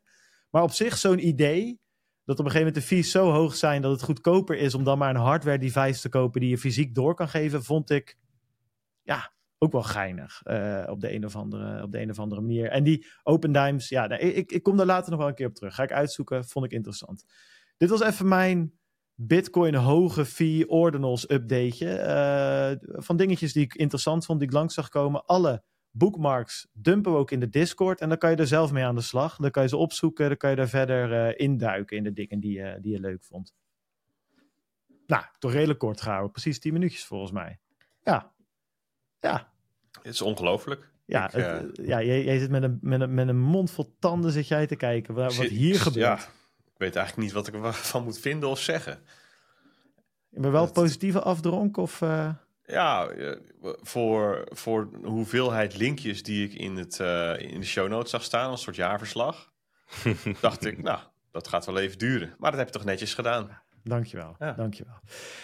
Zullen wij dan eens eventjes doorgaan? Dan gaan wij naar, ja, uh, de marktupdate denken. Want dat is wel interessant, want um, we, we hebben het al een beetje langs horen komen. Hè? We hebben een aantal narratieven. eh, Bitcoin, de ETF eh, en, en NFT's op Bitcoin. Dus daar wordt gezegd van, joh, nou ja, eh, waarom hebben we Ethereum nog nodig? We doen alles wat we willen op Bitcoin. Geld en memes, alles kan. Dan heb je aan de andere kant heb je een soort vanzelfde narratief, hè, wat Peter een beetje noemde, Solana. Ja, daar heb je ook opeens allemaal DeFi-projecten, meme coins. Alles wat je op Ethereum kon doen, kan nu op Solana en dan sneller en goedkoper. Hè? Dus eh, zelfs de, de, de meest arme pleb, degen trader, maakt een kans om rijk te worden. Hè? Dat is een beetje het verhaal. Ja, en hebben we Ethereum in het midden, Bert. Weet je, dat, ja, alle verhalen worden afgepakt. Iedereen vlucht eh, eruit. De een naar Bitcoin, de ander naar Solana. En je ziet toch ook een beetje de, de, ja, de Ethereum-fanaten in het midden van... ja, shit, wat, ja, wat, wat moeten we hier nou mee? Hè? En mijn vraag aan jou is om, om de marktupdate in te leiden van... ja, is daar echt iets aan de hand? Eh, of hoe, hoe, kijk je ernaar? Hè? Moeten we allemaal uit Ether stappen? Is Ether een opgegeven zaak? Of, of ligt dat toch iets, eh, iets genuanceerder? Ja, en dan wordt er ook nog een beetje, eh, zo, een beetje lacherig over gedaan. Smalend wordt er dan verwezen naar de, de, de overgang van proof of work naar proof of stake.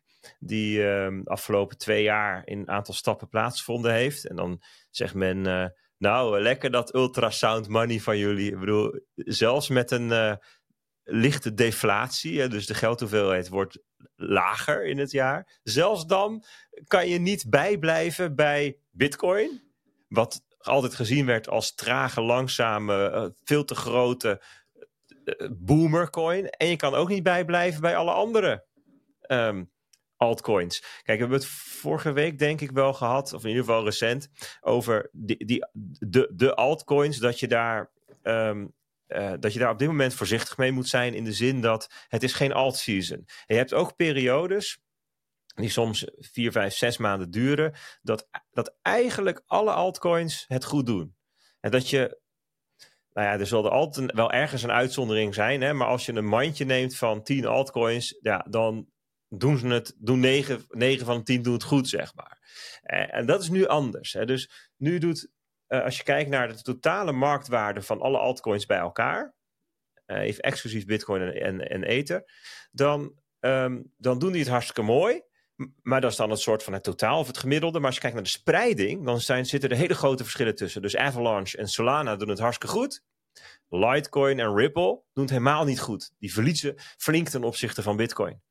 Ehm, en, ehm, eh, en Tron bijvoorbeeld ook. Hè? En, en Telegram Open Network, Tom ook. Zijn er, het is wel grappig als je gewoon zo, zo'n heatmap maakt met groen en rood. Van de afgelopen twee maanden of zo. Dan zie je hele fel groene en je ziet hele fel rode. En je ziet er natuurlijk ook altijd een paar die een beetje tussenin hangen. Maar dat is, dat is nu. Hè? Dus het maakt nu uit naar welke altcoins je kijkt.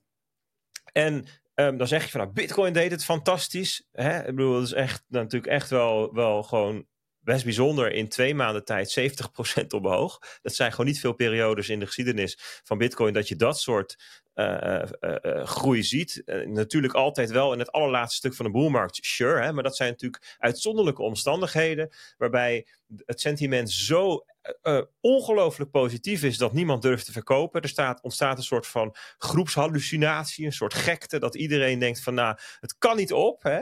Maar dat is nu niet aan de hand. Dus waar, en toch stijgt het zoveel, dus daar zit wel daadwerkelijk iets achter. Nou, we weten natuurlijk ook allemaal wel wat. Dat is namelijk de verwachting van die ETF's die, die dan tussen 8 en 10 januari zouden kunnen gaan lanceren en zo. Dus Bitcoin doet het goed. Die altcoins doen het ehm, eh, gemiddeld eh, pri- prima. En sommigen doen het fantastisch. En daartussenin zit Ether. En Ether doet het ja, in dollars gemeten best oké. Maar als je ze vergelijkt met Bitcoin of Solana, laten we die maar twee maar even noemen. Ja, dan, dan steekt dat bleek af. En eh, daar komt dan nog bij dat de Bitcoiners en de, de, de Solanians, hoe zullen we die mensen noemen? Hoe heten die mensen? de zonaanbidders. Dus nou, goed, de, de Solana-mensen, die, die, die, die, die, die pissen dan ook nog even over die, eh, de, de, de, Ethereans heen. Hè? Van, Ja, die ja, staan met citroenen klaar om in die wonden. Ja, en het echt. zout wordt erop gegooid, weet je wel. Ja, gegooid. iedereen gebroedelijk naast elkaar. De vorige keer dat dat op zijn hoogtepunt was trouwens, hè, er is ooit een keertje een ehm, ehm, de Death of Ethereum party gehouden op Twitter. Of op, oh nee, dat was op, ehm, Um, uh, hoe heet dat Clubhouse nou? misschien. Clubhouse was dat, ja.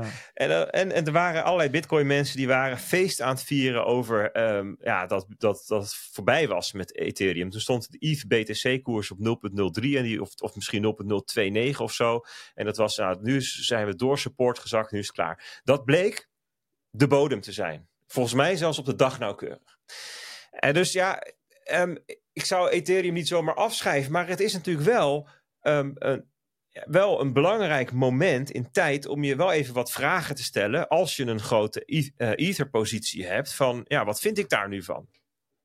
En ik denk dat ik wil een aantal dingen noemen um, die, die jou kunnen helpen om hier zelf wat van te vinden. Eén is, um, ik zag een bericht langskomen dat uh, het gaat over Celsius. Ik had het over met Peter uh, in de voorbereiding naar, voor de CryptoCast. Um, en toen zei Peet, um, ja, Celsius, daar is het bijzondere dat, dat daar op een of andere manier is overeengekomen dat de klanten hun vordering hebben in de munt die ze daar aanhielden. Dus als jij daar 10 ether had staan en, of 1 bitcoin, dan krijg jij die 10 ether of 1 bitcoin terug in plaats van de dollarwaarde op het moment van faillissement. Wat is nou, dat is namelijk de standaard. Dat is bij FTX bijvoorbeeld ook zo. Dus dat, dat, uh, dat, daar hadden we toevallig over. En toen zag ik dit bericht langskomen dat, dat Celsius in de afgelopen 30 dagen voor 243 miljoen dollar aan Ether verkocht heeft. Dus dit bericht is op twee manieren uh, interessant. Eén, wat betekent dat dan voor die Celsius-zaak? Is het nog steeds zo dat ze daadwerkelijk um, in kind die assets gaan uitde- eh, vergoeden of verdelen? Of gaan ze dat doen in cash? Toch in cash doen, maar ze, zijn, ze worden dus nu geliquideerd voor cash. Dat is één. Kleine uh, zij, zij, zijpad. Twee, ja, het is niet zo gek dat als jij voor 240 miljoen dollar aan Ether verkoopt, dat dat, iets doet met de prijs. Hè? Dus dat kan, dit kan een verklaring zijn voordat met Ether wat slechter gaat. Oh, waarbij we overigens wel moeten aantekenen dat Solana um, die enorme stijging heeft meegemaakt, terwijl in die periode um, een groot gedeelte van de FTX Solana stack verkocht is. Dus ik geloof dat ze nu 90% verkocht hebben of zo al daarvan. Maar bij Bitcoin geldt dit niet. Hè? Dus ten opzichte van Bitcoin, als je het vergelijkt met Bitcoin, zeg je, joh, waarom blijft Ether nou zo achter bij Bitcoin? Ja, dat, dat zou dit kunnen spelen. Overigens, volgend jaar krijgen we daar de Mount Gox uh, uitbetaling als het goed is bij. Hè? Dat wordt nog wel een interessante. ja, dat zeggen we wel al negen jaar. Ja, hè? Dus, sure, maar hij moet een keer komen. ja, maar goed. Nou ja, kijk, ja. de, de vraag is natuurlijk wel in hoeverre die mensen echt nog gaan verkopen. Omdat het natuurlijk ook al heel lang een vrij liquide handel is in, het, in de claims op uh, Mount Gox. Maar goed, dat gaan we, dat gaan we dan meemaken. Een ander ding van wat voor Ether speelt, is dat um, um, Ether had net als Bitcoin een vrij groot grayscale fonds. Dus je had bij Bitcoin heb je GBTC, GBTC. En bij Ether heb je ETH-E. Dat is de naam van het Grayscale fonds waar Ether in zat. En dat hebben eigenlijk al die andere munten, daar, er zijn nog wel geloof ik tien andere fondsjes, maar dat zijn allemaal hele kleine, dus die spelen geen rol. Maar bij Ether was er ook een enorme discount, nog een grotere dan bij Bitcoin. En die is ook de afgelopen tijd enorm teruggelopen. Zelfs iets verder teruggelopen dan Bitcoin, geloof ik, zag ik vorige week. Um, en van, vanaf dieper kwam dat. Dus er is ook gewoon een enorm uh, stroom aan koopinteresse in Ether naar Grayscale fonds gegaan. In plaats van de spotmarkt op. En die, het teruglopen van die discount begon later dan bij Bitcoin. Dat heeft misschien ook mee te maken dat um, de, die, die, de, uh, heeft misschien te maken met het moment dat BlackRock uh, ook een spot ETF voor Ether aanvroeg. Die liep al wel van, van, van, van ARK van een andere. Ja, als BlackRock dat aanvraagt, dan hebben ze daar blijkbaar vertrouwen in. Hè? Dus dat kan een tweede verklaring zijn dat het wat minder gaat. Goed, dat zijn dan weer wat meer soort van um, verzachtende omstandigheden. En dan nu, nu even wat minder verzachtende omstandigheden. Want wat je wel ziet, nu ook, we zitten natuurlijk in de tijd van de eindejaars um, rapporten die langskomen, dat er best wat analyses zijn van mensen die zeggen, ja, dat wat er nu bij Solana gebeurt is wel opvallend. En wat, wat je daar ziet is um, dat uh, volumes op uh, gedecentraliseerde uh, protocollen. Dus het zijn decentralized exchanges, maar ook leenplatformen, um, bridges, oracles. Um, allerlei dingen die daar gedeployed worden. Nou, sowieso twee dingen. Er worden allerlei bestaande protocollen nu ook op, op Solana gedeployed. Uh, die tot nu toe Solana hadden vermeden. Um, en twee, het, de volumes daarop die gaan heel erg omhoog. Stablecoin volumes, ook dingen die met betalingen te maken hebben. Er zijn zo'n heel rijtje van ehm, zeg maar, ehm, metrics, hè? dus cijferreeksen. Um, een gedeelte heeft natuurlijk te maken met die speculatie waar Peter het al over had net. Hè? Dus uh, al dat gememe. Hè? Dus NFT-volumes bijvoorbeeld op Ether, die gaan ook door het dak. Maar de duurste NFT-collecties worden nu gemint op Solana en niet op, op Ethereum. En je kan, dan kan je zeggen van ja, dat is natuurlijk alleen maar spielerij. Hè? En um, ik denk dat voor een gedeelte um, er ook niet spielerij is. Hè? Maar, maar zeker een groot gedeelte is spielerij, sure. Maar die zou wel eens vooraf kunnen gaan aan dat partijen Solana zien als serieus ecosysteem. En want dat is natuurlijk het probleem. Um, anderhalf jaar geleden was Solana gewoon niet, heel, niet zo heel stabiel. Het werd om de havenklap stilgelegd. Er waren grote zorgen over de mate van decentralisatie. Um, en ik, wat, wat dat betreft wel interessant. Roy, Ryan, Wat, Ryan Watkins van Messari, die zei... Um, nou, Inmiddels is dat anders. Solana heeft nu ongeveer 40% van het aantal nodes van Ethereum. Dus het is niet meer dat je 10 Solana nodes had, hebt. Maar er zijn, zeg maar, ten opzichte van Ethereum zit zij al op 40%. En die zijn nu vijf keer zo duur om te draaien. Maar ja, dat is op zich overzichtelijk, weet je wel. Dus je ziet dat Ehm, het argument van ja, maar die zijn, Solana is extreem gecentraliseerd. Dat argument dat is inmiddels een stuk zwakker geworden. Daarna kreeg je het argument, ja, Solana is ten dode opgeschreven, want sterk gekoppeld aan een FTX, aan het FTX-bolwerk. FTX had ook een hele hoop Solana-tokens. Ehm, dat argument verdwijnt nu ook de achteruitkijkspiegel. Nu FTX Solana verkocht heeft, uh, het, het, bedrijf houdt op te bestaan, zit achter de tralies, de vingers zijn uit de pap. Dus en nou, nou zie je ook nog eens dat het protocol gewoon werkt. Het doet het gewoon. Onder heftige omstandigheden. En je ziet dat het geïntegreerd raakt met allerlei andere ecosystemen. Dat er bruggen ontstaan, dat ze gedeelde Oracle of data uh, layers hebben.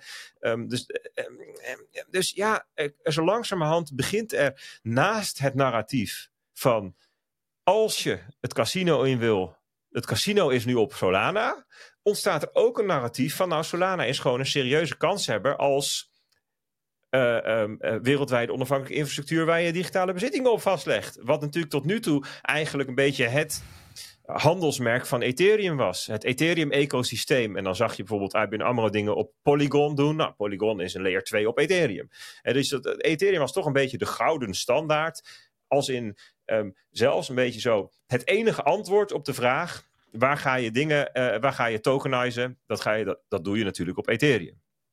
En nu zien we het verhaal opkomen dat misschien Solana daar toch wel een rol in gaat spelen en het veel, veel beter doet met uh, transactievolumes en snelheid en transactietijd en bla bla. En daar is heel veel over te zeggen. Hè? Want uh, laten we even over, als je over Solana token gaat hebben, die hele tokenomics die deugen nog voor geen meter. Hè? Dus wat er in totaal aan transactiekosten wordt opgebracht, dat is helemaal nog niet voldoende om die, om die validators te betalen. Dus dat betekent dat er nog een enorme inflatie moet zijn om dat te laten werken. Er zijn allerlei vraagstukken die in de Ethereum-wereld al lang opgelost zijn, die gaan bij, bij Solana nog komen. Dus um, het optimisme is nog heel erg voorbarig. Maar ja, wat als je kijkt naar de, naar de markt, we zijn, zitten nu in de marktupdate, voor koersen maakt het soms niet zo heel erg veel uit hoe voorbarig het optimisme is.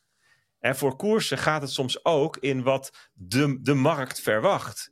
Eh, markten die lopen toch vaak wel op de zaken vooruit.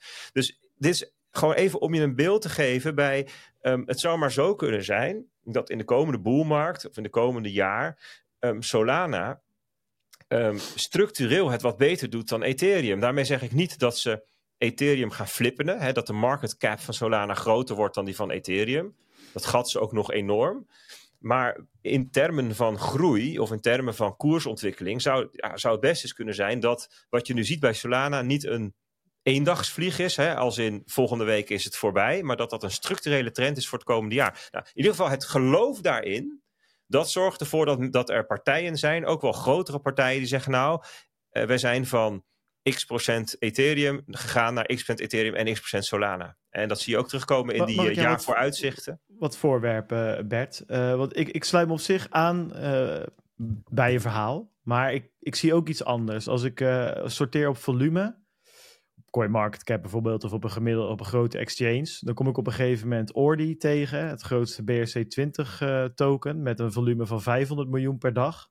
Dus ja, 500 miljoen, misschien nog wel meer. Nou, anyways, 500 miljoen volgens mij. En op een gegeven paar plekjes verder, kom ik Bonk tegen, het, het Solana meme token. Op dit moment, 400 uh, miljoen.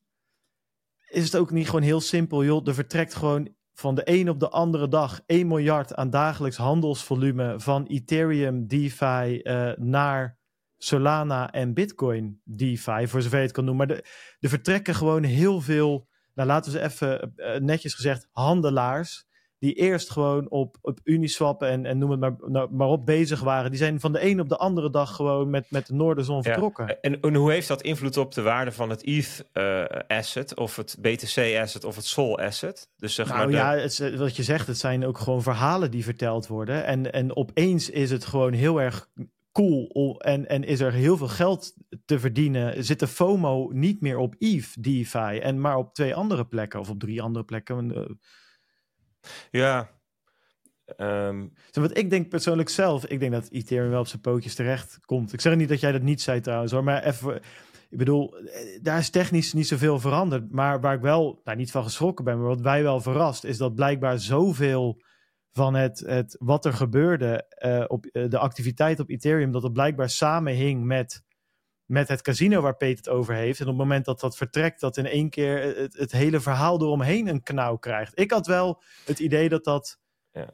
Ik Ja, zie ik- zelfs de meest standvastige Ethereum maxies, om ze zo maar te noemen, toch een beetje zeggen van, nou ja, ik, ik geef het op. Ja, maar- maar- heel ik- snel. Ik, ehm, ik, bedankt voor je ehm, blik erop, hè, maar ik, Ja. ik, ik wil wel expliciet maken dat ik daar dus niet zo naar kijk. Ik geloof Nee, niet dat, dat, en ik geloof ook niet dat mensen dat denken, hè, dat mensen zeggen van, oh, ehm, het casino vertrekt naar Solana, dus is Ether minder waard.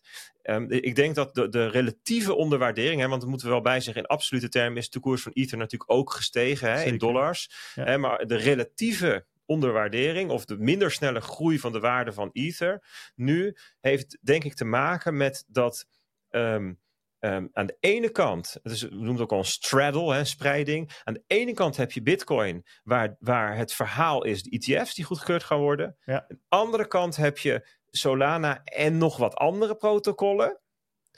Ehm, maar ook soms layer 2's van Ether bijvoorbeeld, die het veel beter doen. Hè? Dat moeten we ook Mhm. niet vergeten. Ja. Ehm, of Avalanche. Hè? Avalanche heeft het verhaal van de real world assets. Solana heeft het verhaal van: hé, hey, maar dit is toch wel een heel serieuze kanshebber om ook een stuk eh, DeFi te gaan pakken. En dan heb ik het niet over het casino, maar ook het serieuze stuk van DeFi. Ehm, en dus je, hebt je hebt aan, aan beide kanten van Ether, ter linker en ter rechterzijde, heb je verhalen die wel van toepassing zijn op, op, op hun en niet op hem, op Ether, zeg maar. Ja. En Ja, ik waardeer je positieve blik. Eh, dat eh, vind ik verfrissend. Ja, ik, ik Ja, denk ja. persoonlijk Ik dat het wel... niet dat heb je, heb je gezien hoeveel de- mensen airdrops aan het hunten zijn? Maar ik, het is ik, niet ik hoor normaal. helemaal geen verschillende dingen. Oh, misschien is het wel... Ja, oké, dat, dat kan ook nog. Ja. Bedoel, bedoel, het is toch op zich wel duidelijk dat, ehm, dat, dat, dat een deel van het crypto-handelsvolume verhalen najaagt. En dus als, als Ether, Ethereum nu niet het hoofdonderwerp is van die verhalen, ja, dan vertrekt daar liquiditeit. En dan zijn er speculanten ehm, die hun ethertjes inruilen voor Solana, want dat is nu de, de- zeg maar, eh, het, het, het onderwerp van de dag, het gesprek van de dag. Of Avalanche, of Bitcoin, for Ja. for that matter, weet je wel. Ja, en, en ik denk dat dat wel een van de factoren is eh, die voor invloed zijn op die prijsdaling van Ether. Net zoals dat, eh, eh, dat misschien faillissementsafwikkeling van Celsius een van de factoren is. Zeker. En zo zijn er waarschijnlijk nog wel meer hoor, want ik heb daar niet heel uitgebreid onderzoek naar gedaan. Ja, maar ik, ik, mijn, mijn punt is vooral dat ik dus niet vind dat ehm, Ether waarde had of dat mensen ehm, belegden in Ether omdat daar het crypto casino was. Dat was wel waar. Het crypto casino was hoofdzakelijk in het Ethereum-ecosysteem. Hè, was zeker ook het laatste jaar al wel op de layer 2's natuurlijk. eh, omdat het goedkoper was. Binance Smart Chain was overigens ook een hele grote. Ik zie ook een grote ver- ver- verplaatsing van Binance Smart Chain naar Solana Ja, toe. Oh, hè, dat is, dat is Ja. misschien nog wel qua casino een grotere dan van Ethereum naar Solana. Want Ethereum was veel te duur al voor casino. NFT-collecties op, op, op de base chain was eigenlijk al heel lang niet meer echt, echt een ding. Alleen de allerduurste, die zaten daar. Dus ik denk dat juist het verhaal van Ethereum niet was, hier is het crypto casino, maar nee, dit is daadwerkelijk um, infrastructuur die gebruikt gaat worden voor, voor, um, voor toepassingen. voor dingen in, die in het echte leven iets doen. En niet alleen maar het crypto casino.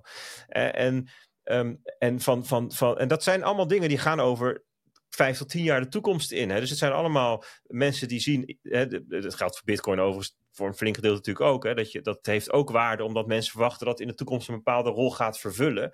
Um, en ik denk dat, dat die hypothese dat, dat daar nu ook een beetje aan geknaagd wordt van hé, hey, maar de vanzelfsprekendheid dat Ethereum het um, uh, winner takes all-achtige netwerkeffect heeft, dat van, die vanzelfsprekendheid die wordt wat minder met de launch van Celestia, met, de, de, de, met Avalanche die real-world assets claimt, met Solana die toch niet dood blijkt te zijn, is de vanzelfsprekendheid van Ethereum als, als, als, als die infrastructuur, ja, die wordt even ietsjes op de proef gesteld. Zo denk ik dat je het zo kan, kan zien. Ja. Ja. Ja, ja, ik, ik, ja, maar goed, misschien komt het ook, Bart, omdat dat, dat ik meer mensen ook zie die um, op, vanuit een serieuze beleggingshypothese um, in Ethereum investeren. en jij ziet meer de, de speculanten, die, nou, nee, de, de, de, de, gokkers. Dat zou het is een beetje, kijk, kijk, je zegt bijvoorbeeld Celestia. En op zich eh, ben ik het met je, met je eens in de zin van uh, super interessant. Maar dat is ook gewoon heel erg populair op dit moment, omdat het een miljoen miljard keer over de kop is gegaan. Weet je wel? Ik bedoel, dat, dat, dat casino-element is, is ook niet een klein dingetje. En je ziet het nu, ik bedoel ook op Solana, ik ben met je eens, als het snel werkt, als het fijn werkt, als de tools fijner zijn, tuurlijk is dat onderdeel ervan. Alleen, ja, ik vraag me dan af hoeveel mensen kijken echt van, nou, over tien jaar kunnen we misschien wel eens aandelen gaan tokenizen op uh, Solana. En hoeveel mensen zitten daar gewoon met 100 miljoen wallets uh, airdrops te hunten in de hoop dat er weer een Jito voorbij komt. Ja, dus, dus ik ben helemaal, helemaal met je eens, op een heel korte termijn is de kracht van van die, die, die enorme zwerm sprinkhanen groter dan de kracht van de mensen die op lange termijn investeren. En dus dat overstemt. Daar ben ik mee eens, maar onderliggend denk ik dat er een vrij uh, gestage stroom is van mensen die daadwerkelijk kijken naar wat hier gemaakt wordt. En dus als je naar Celestia kijkt, Celestia is wel wat anders dan een project dat net gelanceerd is en alleen nog beloftes heeft. Wat je nu ziet is dat er allerlei roll-ups op Ethereum zijn, die nu besluiten om ook te gaan, um, uh, de, zeg maar, hun data te gaan committen op, een, op, op, een, mm. op de Celestia Data Availability Layer. En dus je, je ziet dat um, waar, een, waar een, een focus volledig op Ethereum was, dat hij nu wat verschijnt. Hé, hey, laten we ook eens naar Celestia gaan kijken. Dat is niet alleen maar een verhaal, dat is wat er nu gebouwd wordt. En dat is waardoor mensen zeggen van nou, misschien moeten we onze overtuiging, onze hypothese, moeten we wat bijstellen. En moet je zeggen van nou, misschien is het niet winner takes all, maar winner takes most. Misschien krijg je een Pareto-verdeling. Misschien moet je ook daar wat in investeren. Misschien moet je ook daar wat aan blootgesteld zijn. Um, en dat is een verschuiving die, um, uh, ja, die, die nu materialiseert. Want hier, hier wordt natuurlijk al wel jaar over gesproken. Ja. Over modular blockchains en zo, weet je wel, die hele hypothese. Ja, ik, ben dus... je, ik denk dat we op zich best mooi zo eventjes twee kanten van een medaille hebben besproken. En alle twee, uh, de luisteraar die moet kijken verder wat hij daar uh, mee, mee, doet. Maar ik ben het helemaal met je eens. Zullen Zo wij nog zie je even... maar dat het zowel in bearmarkten als in boelmarkten heel ingewikkeld is om aan te wijzen wat is nou echt een fundamentele verbetering. In de bearmarkt vraag je af, is het dood? En in de boelmarkt vraag je af, ja, wel, welk deel hiervan is gewoon, is hype, is, is hoop, is speculatie. En, en uh, ja, ik, denk toch dat, dat hè, wat, is, wat is een fundamentele innovatie en wat wordt in gebruik genomen en, en wat is blijvend, dat dat inderdaad een proces van jaren is. En dat onthult zich gewoon uh, door de tijd heen. En, en, en, van dit soort punten en momenten in tijd kun je eigenlijk heel moeilijk zeggen van, joh, oh ja, ja dit, dit, dit is inderdaad de conclusie dat het niet werkt. Of, of we kunnen nu concluderen dat, mm -hmm. uh, dat iets wat, wat, in het, wat een belofte was, dat die belofte niet heeft vervuld. Want ja, weet je, het kan over twee maanden weer helemaal anders zijn gevoelsmatig. Precies. En, en in, in een boelmarkt misschien nog wel vaker van dat soort gevoels- en sentimentswisseling dan in bearmarkt, eerlijk gezegd.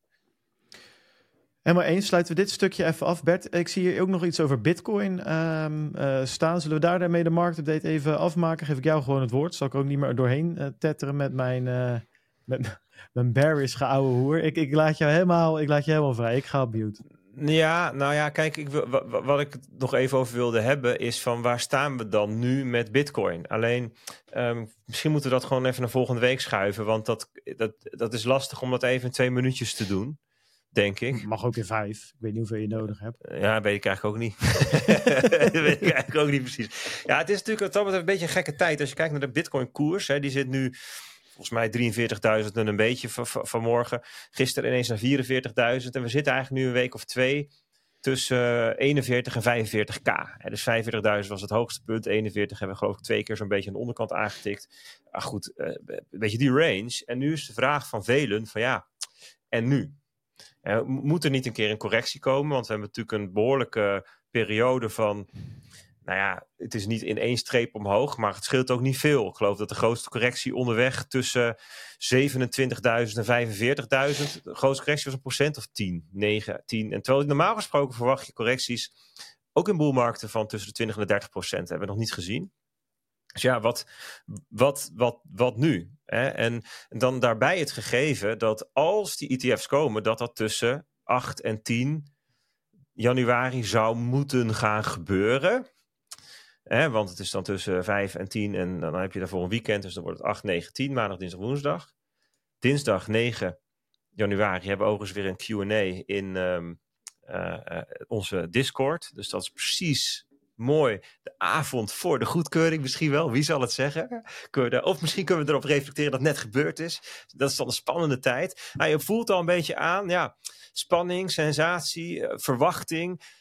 Um, ik denk dat het heel lastig is om heel precies te zeggen wat dat nou in de komende twee weken gaat doen. Het is natuurlijk ook kerst en oud en nieuw tijd. Dus er zijn ook allerlei beleggers, beleggingsfirma's, professionele beleggers die gewoon eventjes even afstand nemen. Maar persoonlijk zou ik het gek vinden als we nu toch nog een hele diepe correctie krijgen. Wetende dat, die, dat het beslismoment eraan komt. Wie, zou, wie wil er nou nu, twee weken, 18 dagen voor uh, eh, 8 januari, wie wil er nou nu zijn Bitcoin-positie uh, sluiten? Ja, dus dat, dat, dat, dat weerhoudt mij ervan om te zeggen: ja, je hebt helemaal gelijk, die correctie, die, die, daar is inderdaad tijd voor. Want er zijn al, wel allerlei signalen, technisch, eh, eh, ook wel on-chain, dat je zegt van ja, uh, we hebben het mooiste wel gehad van deze stijging, zeg maar. ik zag bijvoorbeeld, ik zat naar de fundflows te kijken, dus, dus het instroom van kapitaal naar um, publieke naar beleggingsfondsen, bitcoinfondsen. Ja, daar hebben we um, elf weken lang inflows gehad, elf weken achter elkaar dat er geld inging en ook hoog tempo, honderden miljoenen. En vorige week voor het eerst een heel klein beetje outflow. Nou, dat zegt eigenlijk niet. Eigenlijk moet je zeggen, de inflow is gestopt. Je, je zou kunnen zeggen, iedereen heeft nu zijn positie ingenomen. Nu afwachten. Zo voelt het een beetje voor mij. Uh, iedereen weet nu, bedoel, iedereen in de wereld weet dat die BlackRock-aanvraag er is en dat, dat Bloomberg 99,9% uh, denkt die gaat komen. Dus de, iedereen heeft daarop kunnen uh, handelen. En, en nu afwachten. Dat, dat gevoel. Um, ik kan me voorstellen dat er wat traders zijn die een wat kortere horizon hebben. Die bijvoorbeeld uh, trades op een, een, week of twee weken doen. Hè, dat soort uh, uh, periodes. Dat die in de komende weken nog naar Bitcoin toe roteren. Want ja, ik kan me zelfs als trader. Um, hè, waar je misschien op veel kleinere muntjes normaal handelt, kan ik me voorstellen dat je de BlackRock pump niet wil missen. je zegt van nou, dan wil ik er toch wel even in die boomercoin, de bitcoin zitten. want laten we eens even kijken wat er gaat gebeuren als, um, als, als, als, BlackRock um, zijn zin krijgt. Um, ja, dus dat, dat zijn een beetje wat overwegingen waar, waarvan, waar, die, die, ik dan in mijn hoofd heb, zo naar dat begin januari toe. Dus het meest logische scenario zou ik vinden, dat je zij, min of meer zijwaarts gaat komende twee weken. Misschien ietsjes omhoog met wat interesse. Dat je daadwerkelijk um, uh, naar, naar, naar die week toe. En dat je dan daadwerkelijk ook de, de, goedkeuring krijgt van die aanvragen. Ja, laat ik me maar aansluiten bij ja, wat al die analisten denken. Wie ben ik om dan te zeggen nee, het wordt hem niet. En, en, en als die wordt goedgekeurd, dat we dan daadwerkelijk ook nog wel prijsstijging krijgen in eerste instantie. Omdat mensen toch, um, er is toch een soort consensus dat dit iets heel groots is. Um, dat je dan misschien een week of twee dat die koersen uh, omhoog gaan. 50.000, 53.000, een beetje die richting. Daar zal ook wat weerstand liggen. 53.000, dat was voorheen was twee jaar geleden een belangrijke prijs, drie jaar geleden. Dat was drie jaar geleden namelijk het punt dat Bitcoin een market cap van 1 biljoen dollar had. Dat is het nu niet meer. En dat komt omdat er nu meer bitcoins zijn. Dus Bitcoin heeft nu al een market cap van 1 biljoen bij iets van 51.000. Dus dat is een beetje opgeschoven. Maar ja, goed, in het, in het verleden was het toch drie, weet je wel. Dus die, weet je, die bandbreedte kan me voorstellen dat daar nog wat gebeurt. En ik, ik zou het niet gek vinden als dan na een week of twee van stijging dat dan dat het dan omrolt. Dat er dan toch speculanten zijn die zeggen van uh, nou ik heb, ik, heb, ik heb een mooi ritje gemaakt. Ik stap nu uit en dat we de lang verwachte correctie krijgen. En nou, als dat dan 30% is, nou doe zelf het rekensommetje maar 30% van 50.000. Dus 15.000. 15.000 eraf, dan ga je naar 35k zou kunnen dat je dan een correctie krijgt naar dan, wat zijn dan logische targets. 38.000 is een dollar een logisch target. Um, ehm, 34.000 is ook een logisch target. Dus in die richting, dat zou heel gezond, helemaal niks mis mee zijn. En dan zou het ook niet gek zijn als je dan in de richting van de halving, maart, april, dat dan weer nieuw verhaal, nieuwe narratieven. Het narratief van Bitcoin is digitaal goud, weet je wel. En dat dan er weer interesse is. Dus dat is een beetje. Ja, dit, dit, dit, is, dit, dit moet je niet zien als hele exacte wetenschap, maar meer als een soort van. Ja, hoe, hoe zou je hier nou over kunnen redeneren? Wat voor soort krachten en gedachten en narratieven zijn er nou op um, de komende tijd um, in het spel? En zo, zoiets zou je je kunnen voorstellen. ik ga hier dus ook niet een heel precies grafiekje van tekenen. Nou, zo gaat het gebeuren. Daar is het allemaal veel te onzeker voor. Maar dit zou een, um, ja, een, een, een, een aardig on, te onderbouwen verhaal kunnen zijn. Alright, um, thanks uh, Bert. Uh, als je nou meer wil lezen, dames en heren, het hele verhaal en de grafiekjes wil zien, noem het maar op. Dan moet je even de Alpha Markets lezen. Dat kan natuurlijk op bitcoinalpha.nl. Um, dan moet je je even echt aanmelden als Alpha. Kan je een proefabonnement nemen. Kan je een maand lang uh, Bert zijn marktupdate lezen. Even kijken hoor. Uh, ja, ik, uh, ik ga eerst eens eventjes uh, het volgende doen, namelijk onze sponsoren bedanken. Voordat we doorgaan, oh dat staat, nou het nieuws staat hier. Nee, ik wil gewoon onze sponsoren bedanken die deze aflevering mogelijk maken. En ik kon direct Watson Law, Amdax, Finst en onze hoofdsponsor Bitfavo. Daarnaast wil ik Robert bedanken, die heeft 12.500 sats gedoneerd. Robert, Dank daarvoor. Je hebt een vraag erbij gesteld. Uh, ik heb even ernaar gekeken. Dan moet je even het Bitcoin Alpha artikel lezen. Dat gaat over UTXO management. Want Robert heeft eigenlijk een vraag. Uh, wat neerkomt, moet je transacties, je aankopen Bitcoin splitsen ja of nee? Of kan ik het beter in één keer kopen of in één keer uitbetalen? UTXO management uh, heet het artikel. En um, Nee, de verborgen kosten van Bitcoin heet het artikel. En het is te lezen voor free members. Dus je hoeft alleen maar een accountje op bitcoinalpha.nl slash discord aan te maken. En dan komt het helemaal goed. Alright. Um, ja, we hadden nog een deep dive staan. Zouden we kunnen doen. We zouden ook kunnen zeggen, we pakken een nieuwtje op wat we heel erg graag willen vertellen. Je zat een mute, Peter. Dat is even stap 1 die we moeten... Oh, dat is ook waar. Hey, ik stond gewoon op mute en ik was, ik was aan het praten, maar je hoorde helemaal niet. Nee, ik niks, zei, ik wil niks, nog wel even, niks, niks, niks. Ik, ik, wil nog wel even een oproepje doen. Ja. Voor onze vriendjes van HRIF, Human Rights in Finance.eu, hrif.eu, als je er wat meer over wil lezen. Er zitten Simon Lelyveld en Jacob Boersma achter. Drijvende krachten. Die maken zich hard voor um, ja, de, de overmatige witwasmonitoring tegengaan. En het recht hebben op, bank, op een bankrekening. We hebben het daar wel eens over gehad al. Um, en dat gebeurt steeds vaker dat je privacy gewoon en, en in het verlengen daarvan je mensenrechten door het financieel toezicht in het nauw gedreven worden. En zij, zij vechten ervoor om dat naar balans aan te brengen, dat te herstellen. En zij hebben handtekeningen nodig. Daar hebben ze er al. Even kijken.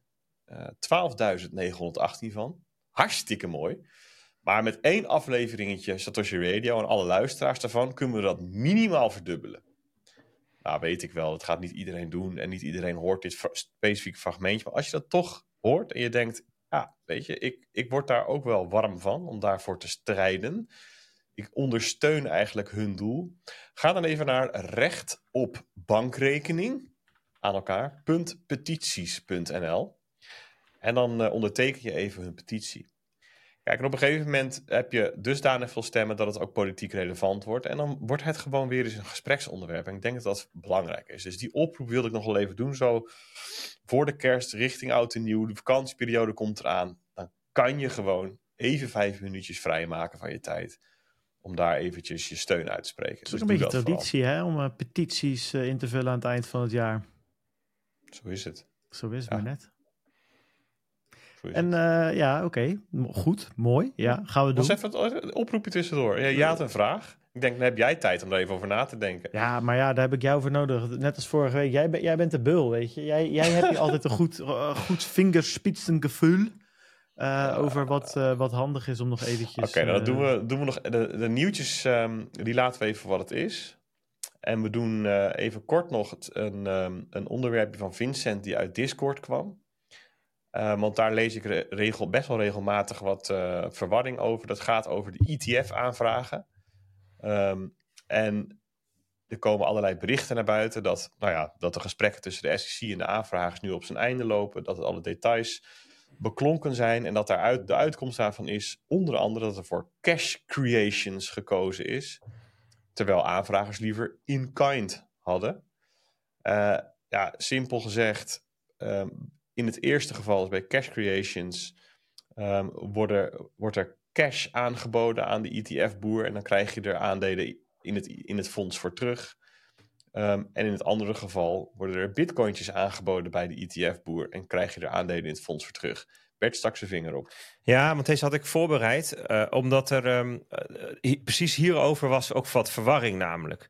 Want er was de vraag van ja, maar moet ik dan met Bitcoin aankomen als ik aandeeltjes wil. Maar dit gaat dus heel specifiek niet over het kopen en verkopen van de aandelen in het ETF, wat jij doet als belegger. Maar dit gaat heel specifiek over een proces wat voor ons normale beleggers verborgen is. Namelijk mm -hmm. um, eigenlijk verborgen in, de, in het loodgieterswerk van het financiële systeem. Waarbij um, hele grote professionele institutionele spelers um, zoals market makers en grote banken, die in samenspel met zo'n ETF-uitgever de ETF-aandelen maken en vernietigen. Creation en redemption. En ja. in, in dat proces gaat het om de vraag: kom je, komt zo'n authorized participant, zo'n bank of zo'n market maker, komt die aan met geld of met bitcoins? En, en, en, en daarvan heeft de SEC gezegd: eigenlijk, wij willen heel graag dat ze met cash aankomen, niet met bitcoin, om redenen. Ja, precies. Dus het is voor de gebruiker, voor de klant, nog steeds gewoon. Je, je, ziet, je kijkt in je broker en je klikt op: ik wil, ik wil, zo'n, ik wil Bitcoin ETF. That's it.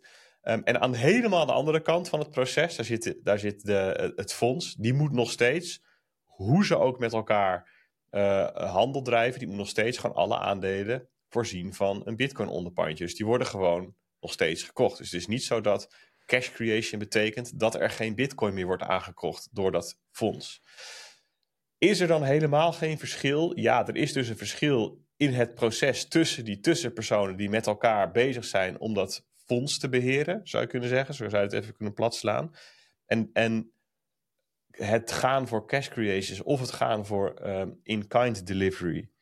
Um, ja, dat doet iets met de complexiteit van het proces. Maar dan heb je dus als klant, als, als gebruiker, heb je daar weinig mee te maken. Nou, werd er nog ges, ge, gesproken over, ja, er zitten wel belastingnadelen uh, uh, gelden voor het een of voor het ander. Maar ook dat blijkt niet zo te zijn. Dus eigenlijk denk ik dat je, als je echt een heel, als je gewoon ongenuanceerd dit zou beantwoorden, zou zeggen, er is geen verschil en het maakt niets uit Behalve dat er achter de schermen verschillen zijn en dat het voor de partijen die, er, die op de achtergrond um, de aan- en verkoop en het creëren en het, en, en het weer um, opnemen van de aandelen verzorgen dat, ja, dat zij te maken hebben met verschillen. Maar dat is allemaal achter de schermen, allemaal onder water. Nog een ja. aanvullingen, Bert? Ja, ja, want dat met, van het belastingverhaal, dat is, ligt één stapje complexer. Kijk, bij een normale ETF is het zo dat uh, van aandelen, dat, dat als er gekocht en verkocht wordt door het door de ETF-uitgever, dat dan de, de winstbelasting evenredig verdeeld wordt over alle aandeelhouders in zo'n fonds. En dat was de angst van dat het nu ook zou gebeuren met die Bitcoin-fondsen. Dat is niet het geval. Dus, dus daar hoeft men niet bang voor te zijn dat als een ander uitstapt, dat jij ook een stukje winstbelasting voor je kiezen krijgt. Dat, is, dat komt door de vorm die ze gekozen hebben met die grantor trusts. Maar als jij zelf uitstapt, dan heb je wel te maken met winstbelasting. Dus als jij zelf je ETF-aandeel verkoopt, moet je gewoon afrekenen. En er zijn dus partijen die zeggen: ja, maar ik wil, ik ben een, ik ben een hele grote institutionele partij en ik heb bijvoorbeeld voor 50 miljoen aan ETF-aandelen hebben gekocht. En ik wil nu uitstappen. En dan wil ik eigenlijk gewoon mijn Bitcoin hebben zodat ik die afrekening niet hoef te maken. En dat is een probleem, dat kan nu niet. En welke partijen zouden dat willen? Ja, bijvoorbeeld banken, die voor hun klanten ETF-aandelen aanhouden en dat op een gegeven moment daar de bitcoin aan willen onttrekken. Of andersom, partijen die zeggen, ik heb hier bitcoin en ik wil graag liever ETF-aandelen. Dus die leveren hun bitcoin in en die krijgen dan aandelen terug. Dat geldt niet voor gewone particuliere belegger, maar wel voor grotere uh, professionele beleggers. En waar gaat het bijvoorbeeld een probleem zijn? Nou, bijvoorbeeld bij Grayscale. Dus als Grayscale straks een ETF wordt, die hebben 660.000 bitcoin, geloof ik, zoiets. En daar zitten hele grote aandeelhouders bij, die zeggen, ja, ik wil eigenlijk die bitcoin terug. Want dan kan ik naar bijvoorbeeld naar een ander fonds of ik ga naar een andere manier. Ze kunnen het er nu eindelijk uithalen. En doordat het niet in kind mag, hebben zij een probleem. Ze kunnen het eigenlijk niet goed uit Grayscale halen. Uh, dus dat is voor Grayscale op zichzelf positief. Want mensen kunnen niet zomaar weg. Ja, want als die mensen weg moeten, dan moeten ze enorm afrekenen. Dus hier, dit hele belastingverhaal is wel een reden, naast efficiency voordelen, dat ik kan je ook een briefje geven. Direct straks, nadat dit uit is, gaan ze in de volgende discussie om het wel in kind te mogen doen. Want dit is echt wel een big thing voor de institutionele, professionele beleggers. Um, en wat ik er daarom interessant aan vind, is dat het feit dat de SEC hier op zijn strepen gaat staan, is ook een signaal dat Larry Fink, de baas van BlackRock, niet zomaar krijgt, alles krijgt wat hij wil. Want dit was voor BlackRock echt wel een groot ding. Ze hebben echt wel lang tegengestribbeld. Um, en toch krijgen ze het niet. Dus het is blijkbaar niet zo dat uh, Larry Fink een appje stuurt en dat geregeld wordt. Dat is wel interessant hieraan. Want dat, en, en dat uh, bevestigt ook wel echt dat ook de SEC hier wel daadwerkelijk vindt dat ze dit wel moeten doen. Dit is niet alleen maar omdat Larry Fink op de grote rode knop heeft gedrukt. Uh, anders, anders krijgt Gary Gensler zijn kerstbodes die van. Ja, over, de over de beweegredenen van de SEC, daar ontstaan er dan weer allemaal complottheorieën natuurlijk. Want er is eigenlijk niemand die goed kan verklaren waarom dit voor de belegger uiteindelijk nou zo'n slim of goed idee is. Hier wordt niemand mee beschermd, niemand per se beter van of zo. Dus waarom doe je dit dan?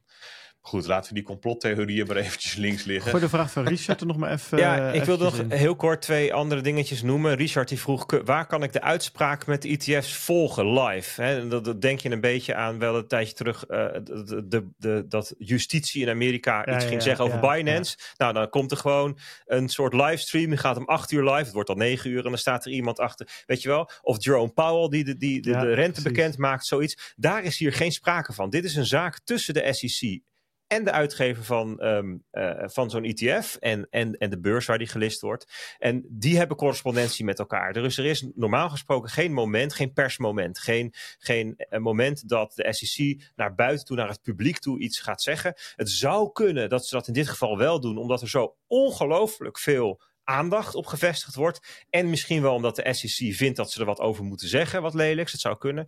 Maar in beginsel gaan we dit merken doordat er um, de bedrijven zelf naar buiten komen met... yo, we hebben goedkeuring gekregen. Dat soort dat dingen. we een gortige groene pump van 300.000 ja, procent gaan dat zien. soort dingen. Misschien willen ze dat voorkomen, dat ze daardoor iets, iets, iets coördineren. Maar dus het is een kwestie van, ja, houd nieuws in de gaten. Ja. En um, toen kwam er nog de vraag op de Q&A en ook in een aantal topics uh, in onze Discord van ja, hoeveel tijd zit er dan tussen het moment dat je die goedkeuring krijgt en dat ze daadwerkelijk verhandeld worden.